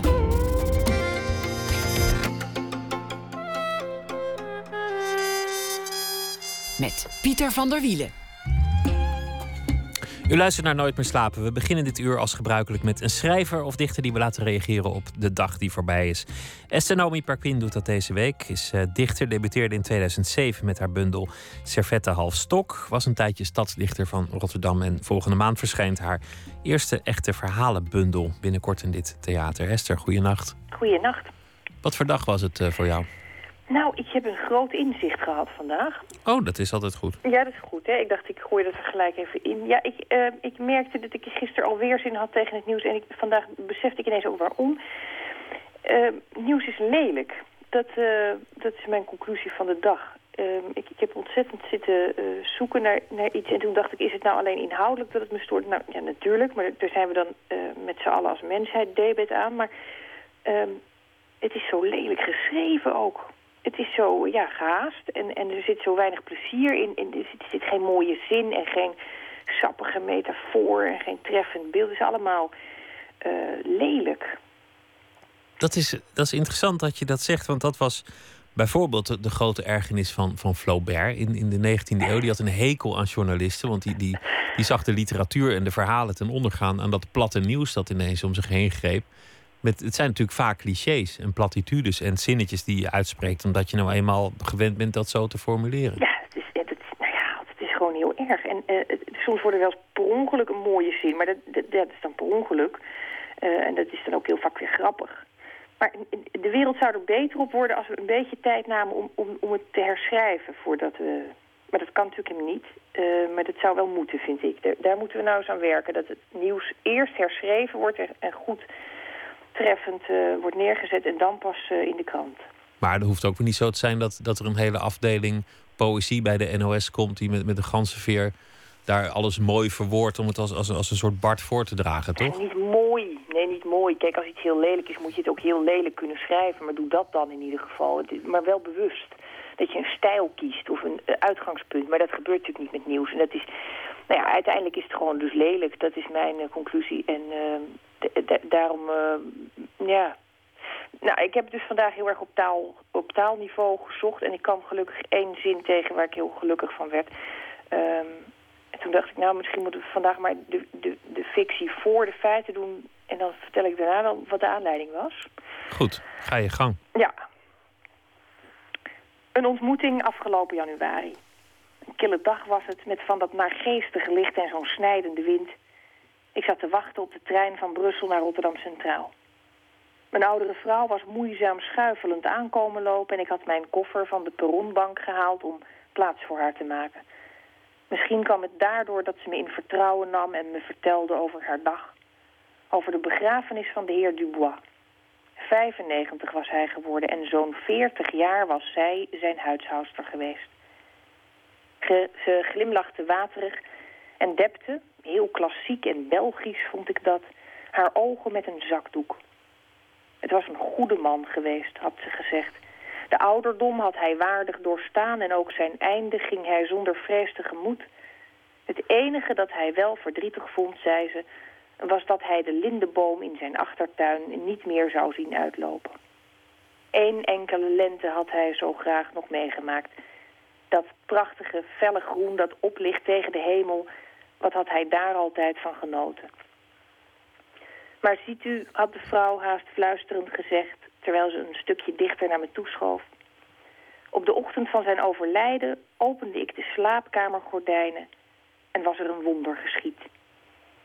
De boom die tot die ochtend nog kaal was geweest, had vol in het blad gezeten. Jong en trillend groen aan alle takken. Bewegelijk, fladderend van nieuwigheid. De heer Dubois had, van heel ver weg al leek het, verbaasd naar buiten gestaard, naar die linde die kwetterde van leven. En toen, alsof zijn laatste hartslag heel luid had geklonken als een pistoolschot, waren al die bladeren verschrikt opgevlogen. Een enorme, wentelende wolk, luidruchtig groen, steeg op en zwermde uit over de straten en de pleinen van de stad. De man had nog geglimlacht en dat was dat. Kort daarna was de dokter gekomen en werd vastgesteld dat de dood was ingetreden. De vrouw had na dit verhaal haar zakdoek in de mouw van haar jas gestopt. Ik had niet geweten wat ik zeggen moest. We knikten naar elkaar. Kort daarna was de trein Brussel komen binnenrijden. Volgens de stationsklok stipt op tijd. Mooi. Wat was, de, wat was de aanleiding? Daar ben ik nou wel benieuwd naar geworden. Ik, ik kwam een zin tegen in een persbericht, en het een fantastische zin. Het probleem is dat we de oplossingen zelf moeten uitvinden. Nou, dat kan alleen een Belg zeggen en dat is dan ook zo. Uh, Brussel, die hebben een uh, parkietenprobleem. Er zitten er 12.000, Pieter. 12.000 parkieten in Brussel. En die vliegen daar rond en ze weten niet hoe, we ze, hoe ze ze weg moeten krijgen, want ze zijn heel slim. Uh, en toen dacht ik, god, wat een, een, goed idee eigenlijk om gewoon 12.000 parkieten in je stad te laten rondvliegen. En ehm, ik stelde me zo voor, als die samen gaan, dan moet het een, een, een soort uh, planet of de parkieten opleveren. Dat is, ja, dat leek me heel mooi. Waarschijnlijk vinden die parkieten dat er te veel mensen zijn, maar... Die, die storen zich aan de Belgen. Maar ik vind dat zinnetje zo mooi, dat je zegt het probleem is dat we de oplossing nog moeten bedenken. Ja, ja, dat is heel goed gezegd. Je kan het ook overal erin gooien. Dus dat je, als je dan een zwijgzaam moment hebt tijdens een vergadering... en iedereen kijkt naar jou, dan zeg je gewoon... ja, het probleem is dat we de oplossingen nog moeten uitvinden. En dan, zeggen, dan knikken mensen ook. Ja, zo is het, zeggen ze dan. Dat is een hele goede zin.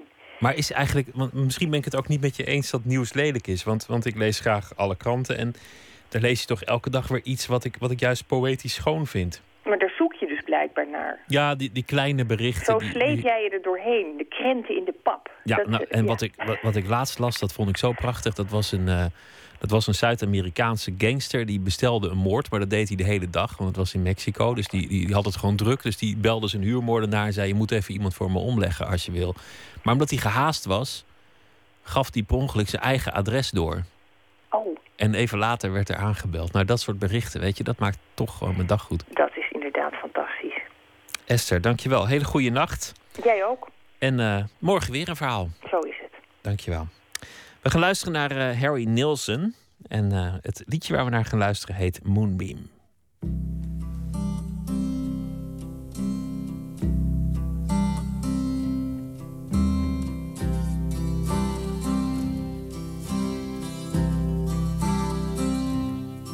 Have you ever watched a moonbeam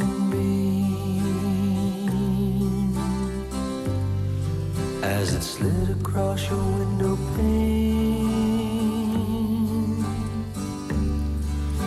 or struggled with a bit of rain, or dance about the weather vane, or settle on a moving train.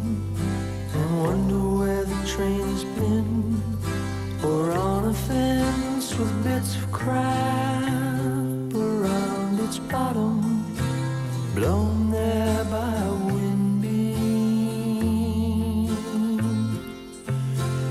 searches for the moonbeam, who was last seen looking at the tracks of the careless wind beam, moving to the tracks of the tireless freight train, and lighting up the sides of the weather vane, and the bits of rain, and the window pane, and the eyes of those saw what happened.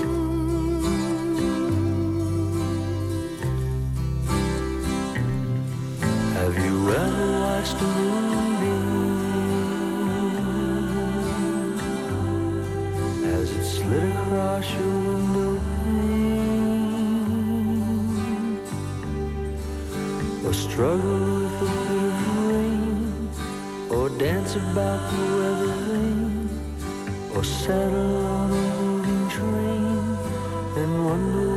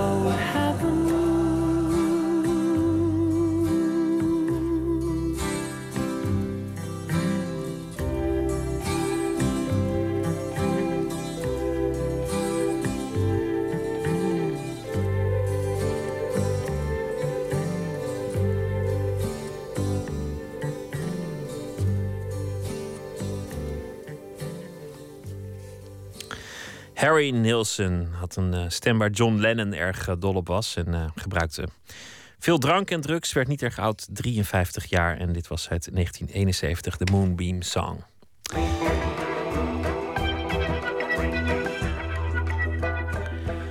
Alain Clark zingt op belangrijke podia in Nederland, maar ook daarbuiten. Maar heeft nog nooit echt in de Nederlandse theaters gestaan. De singer-songwriter en producer begint binnenkort voor het eerst met een theatertour. De titel daarvan Walk With Me. De zanger debuteerde tien jaar geleden met een Nederlandstalig album. Werd pas echt bekend in 2007 door het album Live It Out. En het duet met zijn vader, Father and Friend. Verslaggever Nicole Terborg ging naar hem toe bij een repetitie in Wisseloord Studios in Hilversum. Ja, ik heb hem even opgehaald vanochtend. ik dacht er net op tijd aan. Ja, drie muzikanten, pianist, gitarist en Alan Clark op een kruk met zijn gitaar, zwarte hoed op. Is dat de key of niet? This is a song that I wrote for you. Wrote it to comfort and see you through. All of your troubles will come to pass. Mensen die mij vaak hebben zien spelen zijn gewend om mij te zien met een band achter me. En eh, weet je wel, er hangt altijd wel gewoon goed licht. En we proberen altijd wel een beetje soort uit te pakken. En ik heb er nu voor gekozen om het heel erg stripped down, heel erg klein te houden. Dus ik heb alleen Remco, mijn pianist, meegenomen. En een bevriende gitarist Marcel Visser. Dus we staan echt met z'n drietjes op het podium. En, ehm, en als mensen binnenkomen, dan zullen ze een, eh, een beetje een soort in een, huiskamer, een soort intieme setting, sfeer terechtkomen. Day you smile, and you feel that it'll stay there for. Like a child, your happiness is hiding in the corner of your mind. Tien jaar geleden, hè, jouw debuutalbum. Daarna heb je op een heleboel podia gestaan, festivals, awards, ga maar door. Maar dit is voor het eerst dat je het aandurft om eh, in het theater te staan. Waarom durf je het nu aan? Nou, ik heb altijd gedacht, toen ik zo begon met muziek maken... of echt met liedjes schrijven... en ook met het idee dat ik daar echt iets mee wou doen... was ik denk een jaar of 16. En, en, en mijn liedjes gingen, gingen voornamelijk gewoon over meisjes en, en, en billen en vrouwen. Gewoon dat, dat hele ding. Ehm, maar ik had zo nu en, nu en dan wel een liedje, weet je wel... waarvan ik dacht van, oh, dat heeft wel een soort van wat... iets wat diepere laag of zo. Maar ik voelde me, ik heb me nooit echt soort volwassen of autoritair genoeg gevoeld... om dat echt soort van te kunnen dragen of te delen of voordragen. Ehm, ik had altijd het idee van als je, dat, als je dat doet en als je dat wil... dan moet je gewoon, daar moet je gewoon wat ouder voor zijn. Dan moet je een snor voor hebben en een, en een, en een pak. En, ehm, en ik ben nu gewoon tot de conclusie gekomen... Ik heb, ik heb al die dingen. Nu is de tijd om dat gewoon te doen. En ik heb ook heel veel liedjes die eigenlijk nooit echt de kans hebben gekregen... om, eh, eh, nou ja, gewoon om, om, om gehoord te worden op een manier waarvan ik het idee heb... dat mensen dan ook dat echt kunnen voelen waar ik vandaan kom met die teksten... en met, met de muziek erachter. En nu hoop ik dat in theater wel een beetje te kunnen gaan doen. Op welk moment wist je van, ik ben er nu klaar voor. Ik voel dat ik die man kan zijn in het theater. Nou, om heel eerlijk te zijn, ik heb. Ik, heb ik, ik weet niet of ik dat gevoel al 100% heb. Ik, het is gewoon een soort van. ook een klein beetje sprong in het diepe voor mij.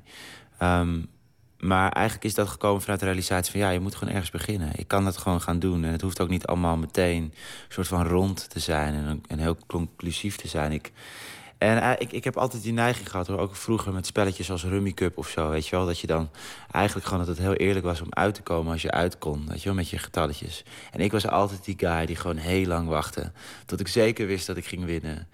Ehm, ook, ook wel een beetje een soort control freak eh, achter en in mij, denk ik. En het is heel fijn om dat nu eindelijk een beetje te kunnen loslaten of zo. Soms heb ik gewoon dagen dat ik even niet... Weet je, waar ik normaal gesproken misschien als ik niet wist wat moest doen... koos ik ervoor om heel gefocust de studio in te gaan. En dat ik nu zoiets heb van, nou, ik zie wel wat de dag me brengt. En dat brengt me dan ook vaak hele leuke dingen, weet je. Dan kom ik bij... eindig ik de dag bij mensen thuis die ik niet ken... met ehm, in een of andere jam sessie beland ik dan of zo. Of eh, weet je gesprekken met mensen waar, waarvan ik eigenlijk bij mezelf misschien had gedacht dat ik nooit eh, ehm, op een barkruk zou belanden met zo iemand of zo. Weet je wel? Dus hele leuke soort dingen ontstaan er. En ik probeer me daar gewoon aan over te geven. I don't know. Yes, I asked, zei je. Ehm, corner of my mind. Ik wil het heel erg eerlijk gaan vertellen. En ik, ik heb ook niet heel erg veel voorbereid. We hebben de liedjes natuurlijk gewoon ehm, eh, uitgekozen. En, en die zijn we nu aan het repeteren. Ehm, en ik heb een soort van eh, grote lijnen van het verhaal die ik wil vertellen. Maar verder wil, ik het juist heel erg... Ik wil me heel erg kwetsbaar opstellen. En dat is denk ik ook iets wat mensen denk ik niet heel veel van mij hebben gezien. Omdat er ook niet heel veel kansen voor mij zijn geweest om dat te doen. En ik ben ook niet zo heel erg, ehm, weet je wel, een soort van de... Ik, ik bedoel, ik denk dat de roddelbladen en dingen niet heel veel aan mij hebben gehad. Er is gewoon, er valt denk ik niet zo heel veel. Ja, hij, ja, hij is wakker geworden en hij ging naar de studio. En hij kwam weer thuis. Dat is denk ik wat mensen een beetje van mij eh, hebben kunnen zien deze afgelopen jaren. Dus het is wel leuk om een klein beetje te kunnen prijsgeven... of wat er gewoon een beetje achter de schermen... en soort in mijn hoofd allemaal eh, zich heeft afgespeeld de laatste jaren. Eh, en ik heb ook best wel nou, een soort van ding met me kwetsbaar opstellen. Dat is soort van de laatste jaren ook wel een soort openbaring voor mij. Dat ik, dat, dat ik daar eigenlijk best wel, best wel slecht in ben om me kwetsbaar op te stellen. Dus ik probeer daar ook heel erg aan te werken. En dat zijn ook dingen die ik gewoon in zo'n theater ehm, nou, wel een beetje naar voren wil laten komen. Ook, ook echt letterlijk voor mezelf. Ja, want waar, waar sta jij nu in je carrière? Ehm, nou, ik, ik denk een beetje soort gelijk als waar ik in mijn leven sta. Op een punt dat ik... Ik voel een soort... ehm, nou, een soort, soort ergens soort positieve verandering. En dat, en dat ligt bij mij denk ik heel erg in datgene wat ik net zei. Dat ik, ehm, dat ik merk dat het me beter lukt om dingen los te laten. En dingen ook te laten, weet je, gewoon te accepteren. Nothing that I did was good enough. If I wasn't reaching for the stars now, the story of my life.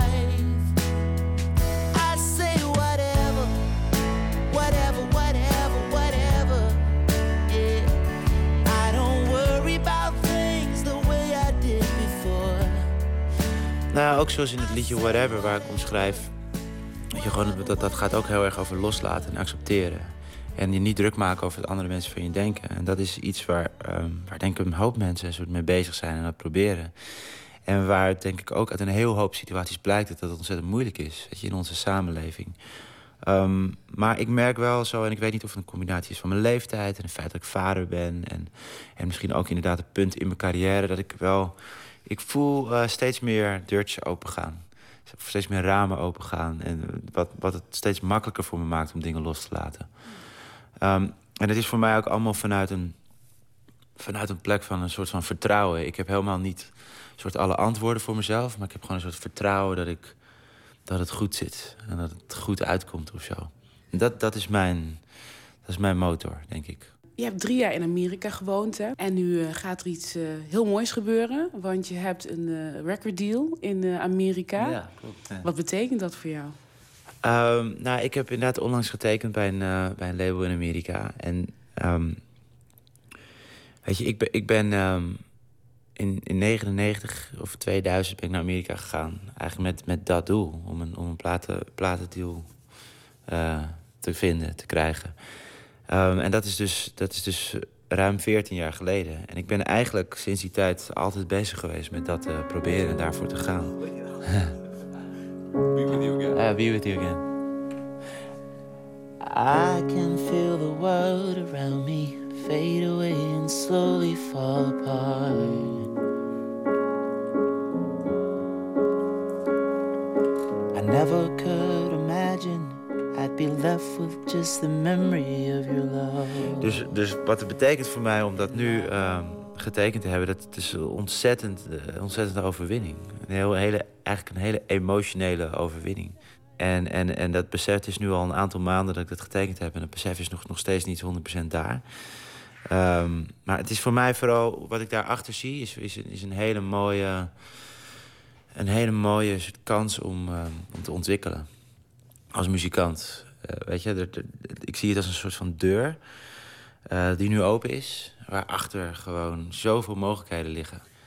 Maar je zegt ontwikkelen als muzikant. Uh, hoe je het nummer schrijft in Amerika of hier, of hoe je het produceert, dat, dat, dat maakt toch niet uit? Wat is dat dan, die ontwikkeling? Nou, het is, het is, ik denk dat het een klein stukje. Dat het, dat het wel uitmaakt. Want het is toch. Kijk, er is daar zoveel potentie. En dat is ook iets wat ik me heel goed realiseer. Dit, dit, dit wat ik nu heb getekend is maar een deal. Het betekent eigenlijk nog niks. Het is voor mij echt een, een weg ergens naartoe. Nogmaals, een deur. En. Um, ik moet het natuurlijk allemaal nog gaan doen. Maar ik ga nu een soort um, uh, toegang hebben tot, tot, tot, tot, mensen en tot, tot, tot plekken en bronnen van inspiratie en, en talent. Ik kan me een soort omgeven met mensen die zoveel beter zijn dan ik. Eigenlijk fulltime, dat is ook echt mijn doel. Um, en daarin denk ik dat ik gewoon een hoop ontwikkeling kan vinden. Anders dan in Nederland? Ja, en wel met respect, hè? want er is hier enorm veel talent. En, en absoluut ook uh, heel veel mensen die, die heel veel beter zijn dan ik. Dus zo, zo bedoel ik het niet. Maar het is wel. Um... Kijk, het is, een, het, is een andere, het is een andere wereld. En zeker voor het type muziek wat ik maak, denk ik dat ik daar gewoon heel veel, um, heel veel halen kan. Zeg maar, aan inspiratie.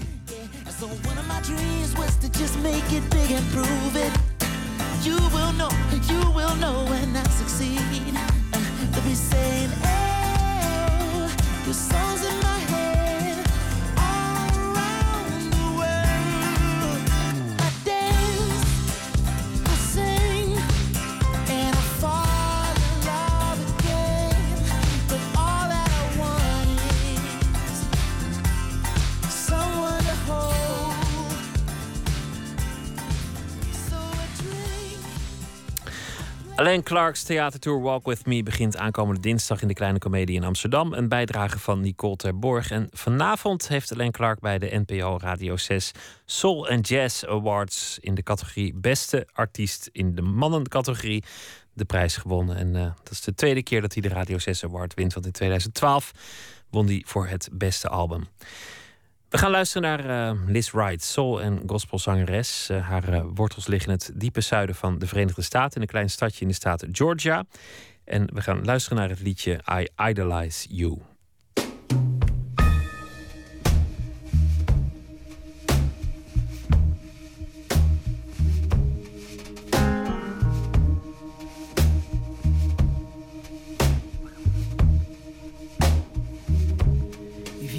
Loving, baby, that I'll give to you.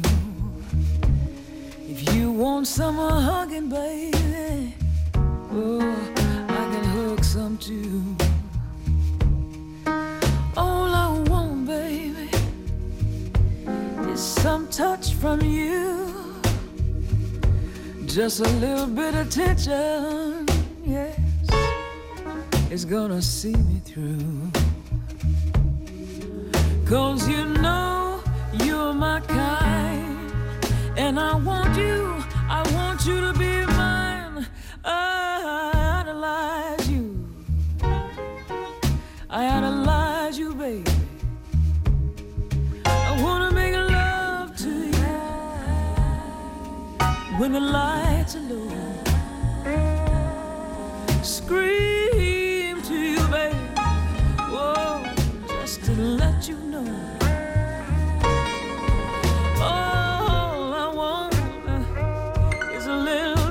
from you. Just a little bit of attention.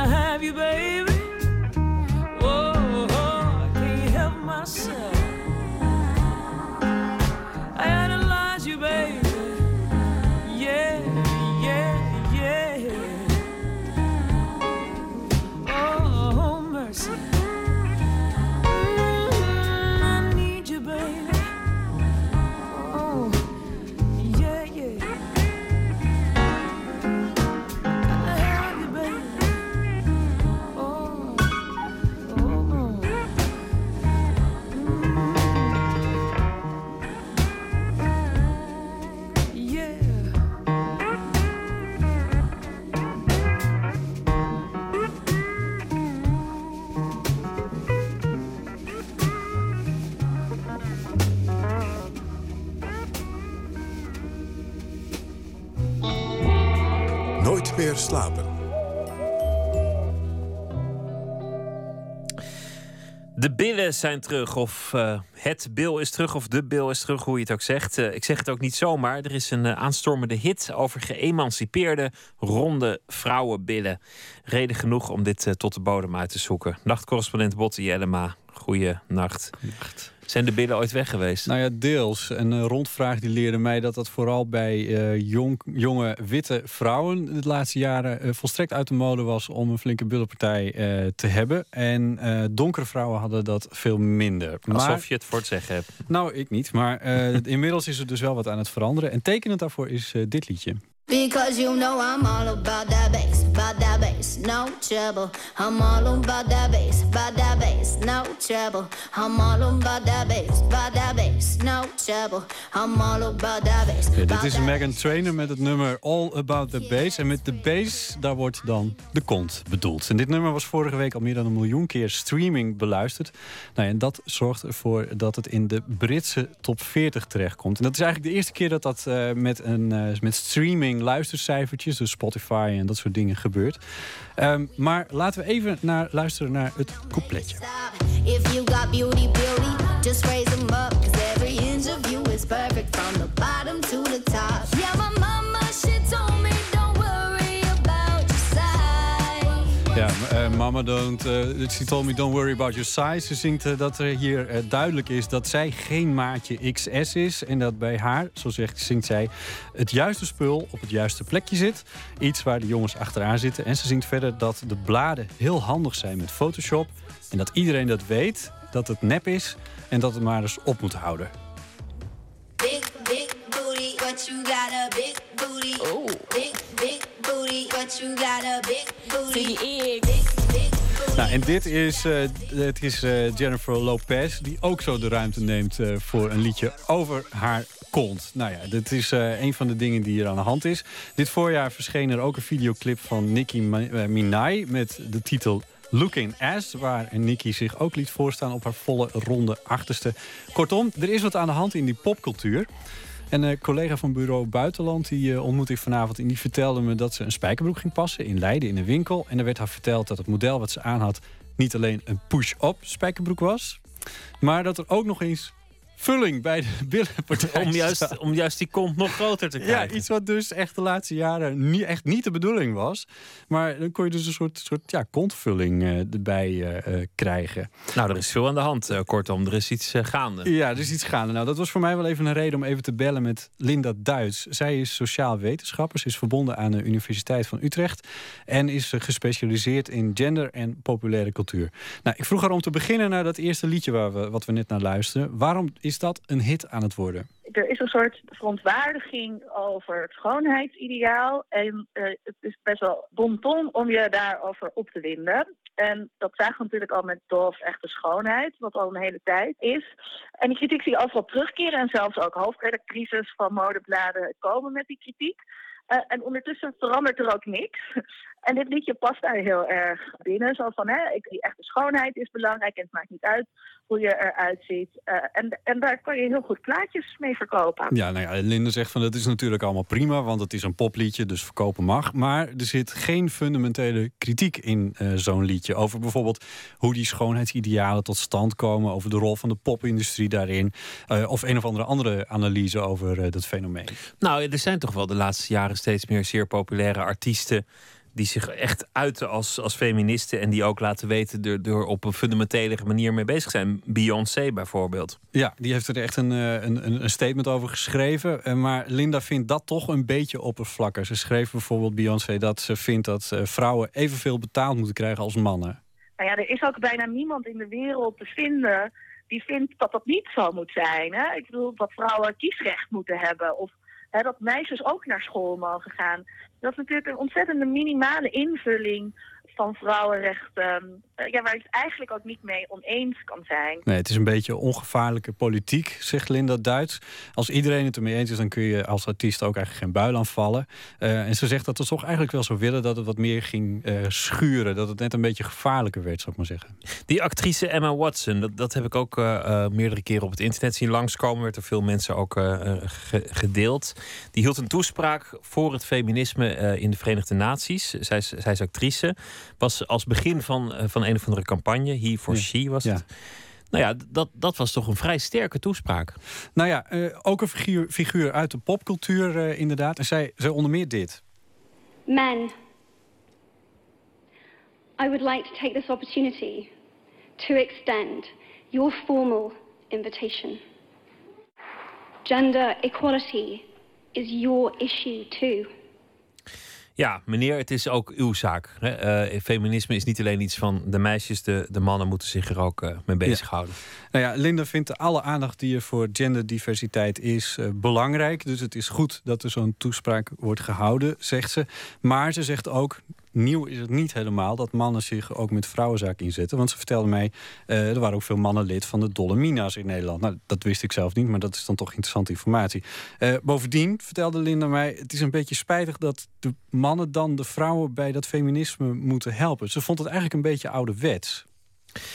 Maar goed, dan eh, toch even terug naar de, naar de vrouwelijke vormen, de, Ja. de, de rondingen. Want, want nee, ik, dat blijf ik toch een revolutie vinden. Als schoonheidsiconen gaan zeggen dat de, dat de contour wat dikker mag. Ja, dat het weer mag. Dat de vrouwelijke volle vormen weer terug mogen komen. Nou, laten we even luisteren naar wat Linda Duits vindt van de terugkeer van de billen. onder zwarte vrouwen eh, is de bil nooit weg geweest.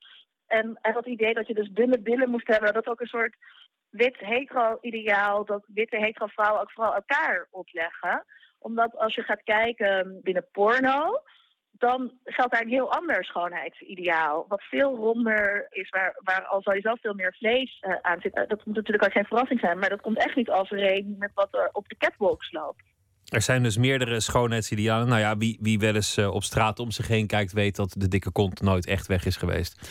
Nee, nee, ja, ik was ook een beetje verbaasd van ja, hij is weg geweest, wordt er, wordt er dan geroepen. Sterker nog, ik geloof dat bij RTL is geroepen dat dit het jaar van de kont is. Nou ja. Een butjaar, kan je ook zeggen. Ja. ja, misschien.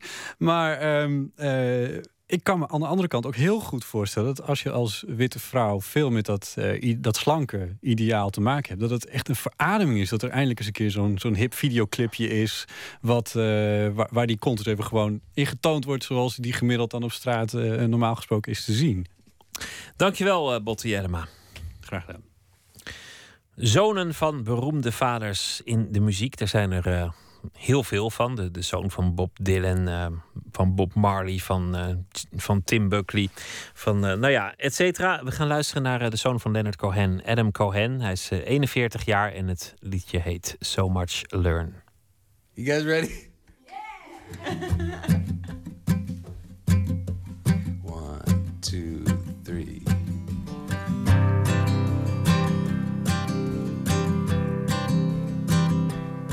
gotta fight for the ones you love. You gotta fight for the ones you love.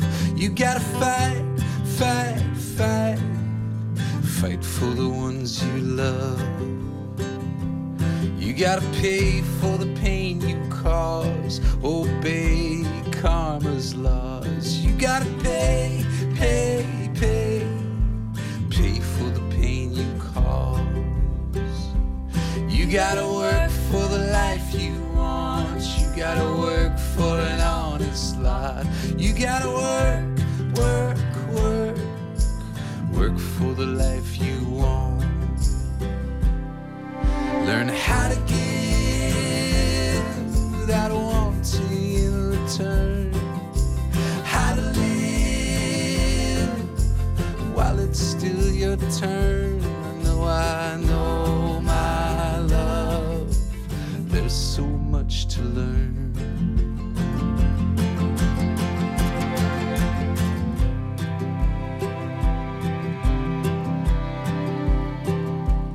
You gotta carry a father's name and hope your children do the same. You gotta carry, carry, carry, carry your father's name. When you lay me down to rest, my heart beating in your chest, my heart, my heart, you will know all this. Learn how to give without wanting in return. How to live while it's still your turn. I know, I know,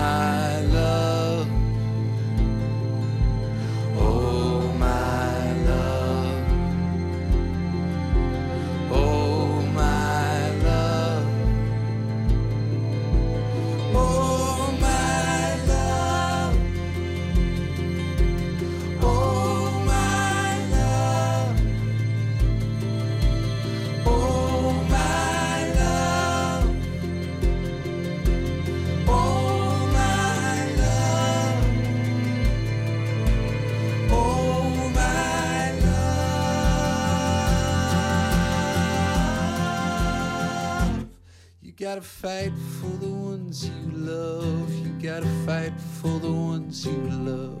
You gotta fight, fight, fight. Fight for the ones you love. Adam Cohn was dat eh, uit eh, Los Angeles, de zoon van Leonard met het nummer So Much Learn.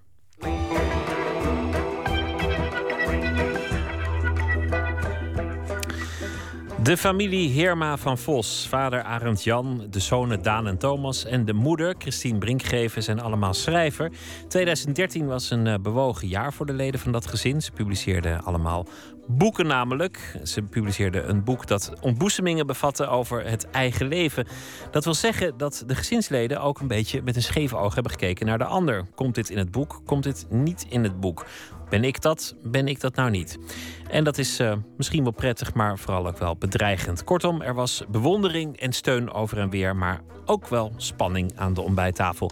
Filmmaker Pieter Verhof was eh, gefascineerd door die familie, kent de familie ook, haalde de gezinsleden bij elkaar en maakte daar een film over. Privéterrein, donderdag te zien bij het Uur van de Wolf op televisie. Matthijs Deen sprak erover met de filmmaker Pieter Verhoef. Nu we het toch over autobiografie hebben. Mijn moeder zei vroeger op ontevreden, opstandige of verongelijkte momenten tegen mij: Als het je niet bevalt, jongen, dan schrijf je er later maar een boek over. En daarmee was de zaak zo niet afgedaan, dan toch op de lange baan. Maar stel nu dat niet alleen ik zelf, maar ook mijn broers en mijn ouders die raad ter harte genomen zouden hebben en we hadden er inderdaad op zeker moment boeken over geschreven, dan zou dat een veelstemmig autobiografisch koor zijn geworden van hoogst persoonlijke versies van de eigen en soms zelfs elkaars geschiedenis. Dit enigszins schrikwekkende scenario deed zich dus vorig jaar voor in het gezin Heerma van Vos Brinkgreven. En het leidde achter de gesloten deuren van de familie vast tot beroering. Daar had het kunnen blijven. Als er bij de presentatie van het boek van Daan Heerma van Vos, De Vergeting, niet een half ernstig, half speels literair tribunaal was gespeeld, waarin de moeder Christine Brinkgreven haar zoon publiekelijk ter verantwoording riep. De moeder van de verdachte, mevrouw Christine Brinkgreven, zij schreef me dat zij vooral pijnlijk is getroffen door de vergeting, omdat daarin het private, dat wil zeggen haar persoonlijke levenssfeer, haar huwelijk en haar gezinsleven, publiek wordt gemaakt. Filmmaker Pieter Verhoef, huisvriend van de familie, zag er een film in. Het schrijversgezin van vader Arend Jan, moeder Christine en de twee zonen Daan en Thomas, die alle vier in hetzelfde jaar een boek publiceerden met autobiografische elementen erin. Hij zette die gezinsleden bij elkaar, stelde ze vragen over werkelijkheid, fictie, privacy en elkaar en filmde. Daarvoor moest hij zelf natuurlijk afstand nemen van dat gezin waarmee hij zo intiem bevriend is. Ja, ik ken ze van haven tot gort. Maar ook niet echt, want eh, ik ken mezelf ook maar tot op zeer zekere hoogte. En hen ook. Er waren ook een aantal vragen. Eh, ik wilde ook van hen weten hoe zij stonden tegenover het gebruik van autobiografische eh, gegevens en feiten. En dat, ja, dat, daar hebben we het nooit zo expliciet over gehad. Wel in de voorbereiding enigszins. Kijk, ik ken ze dus al heel lang. We zijn elkaar op vakantie geweest. Die jongetjes waren nog heel klein.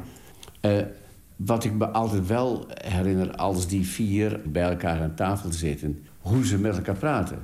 En hoe ze elkaar toch steeds op een voor mij buitengewoon geestige manier onderuit halen. Want ja, uh, je hoort mij niet zo erg lachen, maar ik moet altijd ongelooflijk lachen om de manier waarop ze uh, met elkaar omgaan. Ik vind dat geestig, soms is dat hard. En ik hoopte dat ik dat in de film zou terugkrijgen. En dat ze zich daar net zo bloot in wilde geven als wanneer ik zonder de camera bij hen aan tafel zit. Alleen, zoals Thomas zegt over... ik heb uh, de bescherming van de fictie, het zijn verzonnen personages... zo vind ik dat ik in een documentaire... plaats ik de bescherming van de thematiek waaronder de dingen worden gezet... en een zekere manier van ja, vertellen. Dus het moet voor mij wel te maken hebben met waar het verhaal, de documentaire, over, over gaat. Zoals mijn grootvader een grootverteller was. Maar mijn moeder zei dan tegen mij van... van van de liefde al? En ik dacht, welke mij dat schelen? Want hij zei altijd af, af, afloop, zei hij... Leven, jongen. Voor hem was een verhaal vertellen een gelijkenis. Je zegt daarmee iets over het leven, over een soort van thematiek. En daarmee heb je op een natuurlijke manier ook een afstand geschapen tot dat wat er wordt eh, gezegd. En Wat was nou jouw idee, het verhaal wat, hier, wat hieronder zat? Wat, wa- waar, zij zo'n model voor staan? Nou, het was natuurlijk gewoon al het feit dat, eh, dat er eh, in je vriendenkring ineens vier mensen eh, eh, al maar schrijven. En, in één- en gewoon het hele, dat het hele ongewone feit van vier mensen in één gezin. En is er ook nog een dochter die ook nog schrijft. Maar goed, die- Sandra. Sandra, maar die viel niet binnen dit, deze constellatie. Dat die dan allemaal één jaar, in één jaar een boek schrijven. En het interessante da- daarvan, dat ze allemaal gebruik maken van autobiografische gegevens. Het is niet alleen een film over de gespannen voet... waarop feit en fictie met elkaar staan... en hoe je daarvoor je meest intieme omgeving kan en mag inzetten. Het is ook een veelkoppig kunstenaarsportret... waar Pieter Verhoef er nu al een hele reeks van heeft gemaakt. Zoals de film over de Friese dichter Hettinga. Steeds opnieuw op zoek naar de vraag uit welke bron de kunstenaar put. Is altijd bij uitstek een zoektocht in het persoonlijke, ook voor Verhoef zelf. Die natuurlijk ook zelf kunstenaar is, met eigen achtergrond. Van verhalen vertellende vissers en zeevarers uit Lemmer. Ik ben zo nieuwsgierig hoe zij het doen. Hoe komt het dat jij dat zo goed hebt gedaan? Waar heb je dat van? Zit dat in je... In je de, de hele ordinaire vraag, hele, hele op voor de hand. Zit dat nou gewoon in je achtergrond? Is dat een familiale gronden? Zijn er persoonlijke gegevens? Zoals Tjerbe Hettinga, toen, toen ik vroeg van... Nou, wat, eh, hè, wat is nou de boine? Wat is de bron van jouw dichtkunst? En ik... Dan duurt heel lang en dan zegt hij van... Nou, Nou, jong. Ik zou het net weten. ik zou het net weten, jong. En, en, en dan lag weer na stilte, zegt hij van... Maar misschien komt het ergens vandaan, want mijn vader, paardenhandelaar... was een geweldige verhalenverteller. Net zoals mijn grootvader, in al zijn eenvoud... Die, al die verhalen over, die, dat waren natuurlijk gestolde verhalen... die kwamen regelmatig terug. Maar hij zei altijd, zo, zo is het leven, jongen. Maar er zijn gidsen in je leven. Dat was de plaatselijke dominee. En daar paste ik wel op zijn kind. En, die, en wij praten met elkaar. En hij in de vakantie ging ik bij hem... s ochtends om half tien op de studeerkamer zitten. En dan zat hij aan zijn bureau... en las in zeven talen een bijbelfragment. En daarna had hij weer een grap. En eh, als ik hem in het dorp tegenkwam... dan sprong hij met beide benen van de fiets. Boog voor mij en eh, weet ik veel zeggen van... eh, Buongiorno, Pietro Verhoefi. Eh, de plaatselijke dominee. Maar die man zag iets in me. En, die, ehm, en ik speelde dan de orgel. En dan ging ik met hem op, op de fiets naar eh, naburige gehuchten zondagmiddag. Moest hij preken en ik orgel. En dan hadden we ontzettend eh, veel plezier. Maar we zaten ook samen naar Bach te luisteren. En die man, zo onzeker je kunt zijn in je puberteit... bovendien, ik stotterde ook nog heel erg. Die man zag iets in je. En dat er mensen zijn die je op een bepaald moment in je leven... hun vertrouwen schenken. Dat is, dat is ook al iets, dat je, dat je iets kunt. Eh, eh, je bent schatplichtig aan de mensen die belangrijk zijn geweest in je leven. Die schatplichtigheid, die moeten de leden van het gezin... helemaal vervolgens natuurlijk ook voor elkaar voelen. In alle individualiteit en kritiek die ze op elkaar hebben. Iemand zei, die ook tamelijk ontroerd was door die film... het zijn, het zijn mensen zoals Daan het eh, formuleert. Het is een archipel van eilandjes. En ze willen zich zeer van elkaar onderscheiden, wat ze ook doen. Ze onderscheiden zich ook van elkaar. Maar er is ook een geweldig verlangen naar elkaar om iets met elkaar te hebben. En dat is ook een drijvende kracht eh, van die mensen. En dat voel je ook. Dat is van, je krijgt mij er niet onder... want eigenlijk heb ik niks met jou te maken. Maar tegelijkertijd dat verlangen om... Het is een mooi beeld in de film. Tijdens dat, dat zogenaamde literaire tribunal... krijgt Christine haar zoon Daan aan... wegens misbruiken van intieme gegevens... maar vooral eh, dat hij in zijn boek vertelt... dat niet zij elke nacht opstond en met hem in de douche ging zitten... om van zijn kortademigheid aan maar dat hij beschreef dat het Arend Jan was. En daar snapten ze dus helemaal niks van. En, maar toen zei ze zelf... maar misschien schuilt daar wel het verlangen naar de vader in. En dat vond ik zo'n mooi... Dat is ook een ontroerend moment. En dan laten we een beeld zien dat die twee aan het zwemmen zijn... en dan Daan even die hand op die schouder aan. Ja, merkt het niet eens. Eh, dus er is, eh, is, nog steeds een gevecht gaande tussen Daan en zijn vader.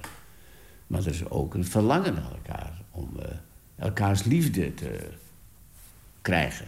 En dat is ontroerend, want ik vond dat namelijk ook de echt ontroerende scène uit de film. Dat is natuurlijk een, een, dat is ontroerend omdat je het herkent. En dan gaat het niet meer. Dan doet het er niet toe dat het de familie helemaal van Vos is. Dan gaat het gewoon over een principe tussen ouders en kinderen. Ja, hoe specifieker je bent, hoe bijzonderer je bent, hoe universeler de werking is. Hoe, hoe algemener de werking is. Herman zei ooit, hoe regionaler, hoe universeler.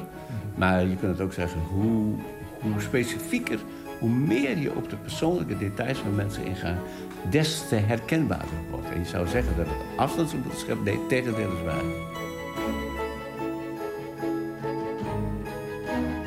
Matthijs Deen in gesprek met filmmaker Pieter Verhoef. De documentaire Privéterrein is donderdag te zien bij het Uur van de Wolf op Nederland 2, NPO 2 moet ik zeggen, om 2300 uur. Negen jaar hebben we erop uh, moeten wachten. Een nieuwe plaat van de singer-songwriter uit Ierland, Damien Rice. Een van de nummers is nu al vrijgegeven en die gaan we draaien. Klinkt vrij optimistisch. I don't want to change you.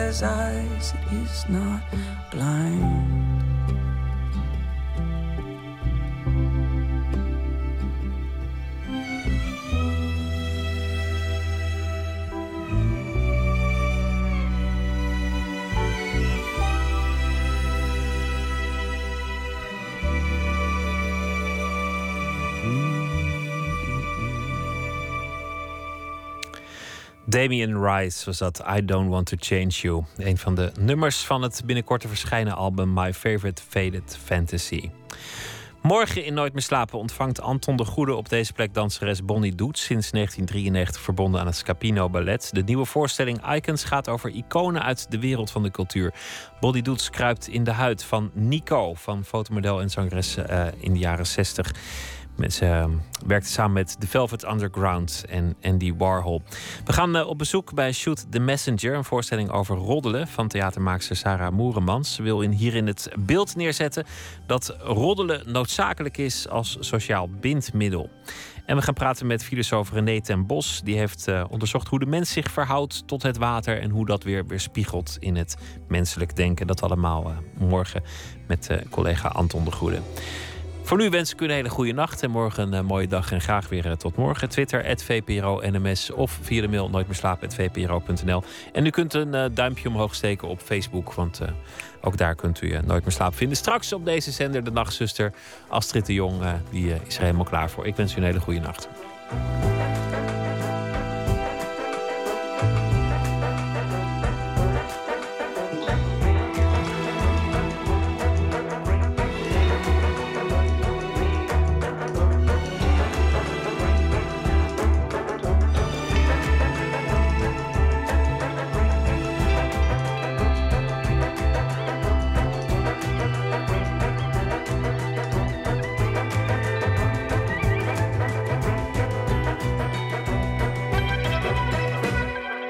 Radio 1. Het nieuws van alle kanten.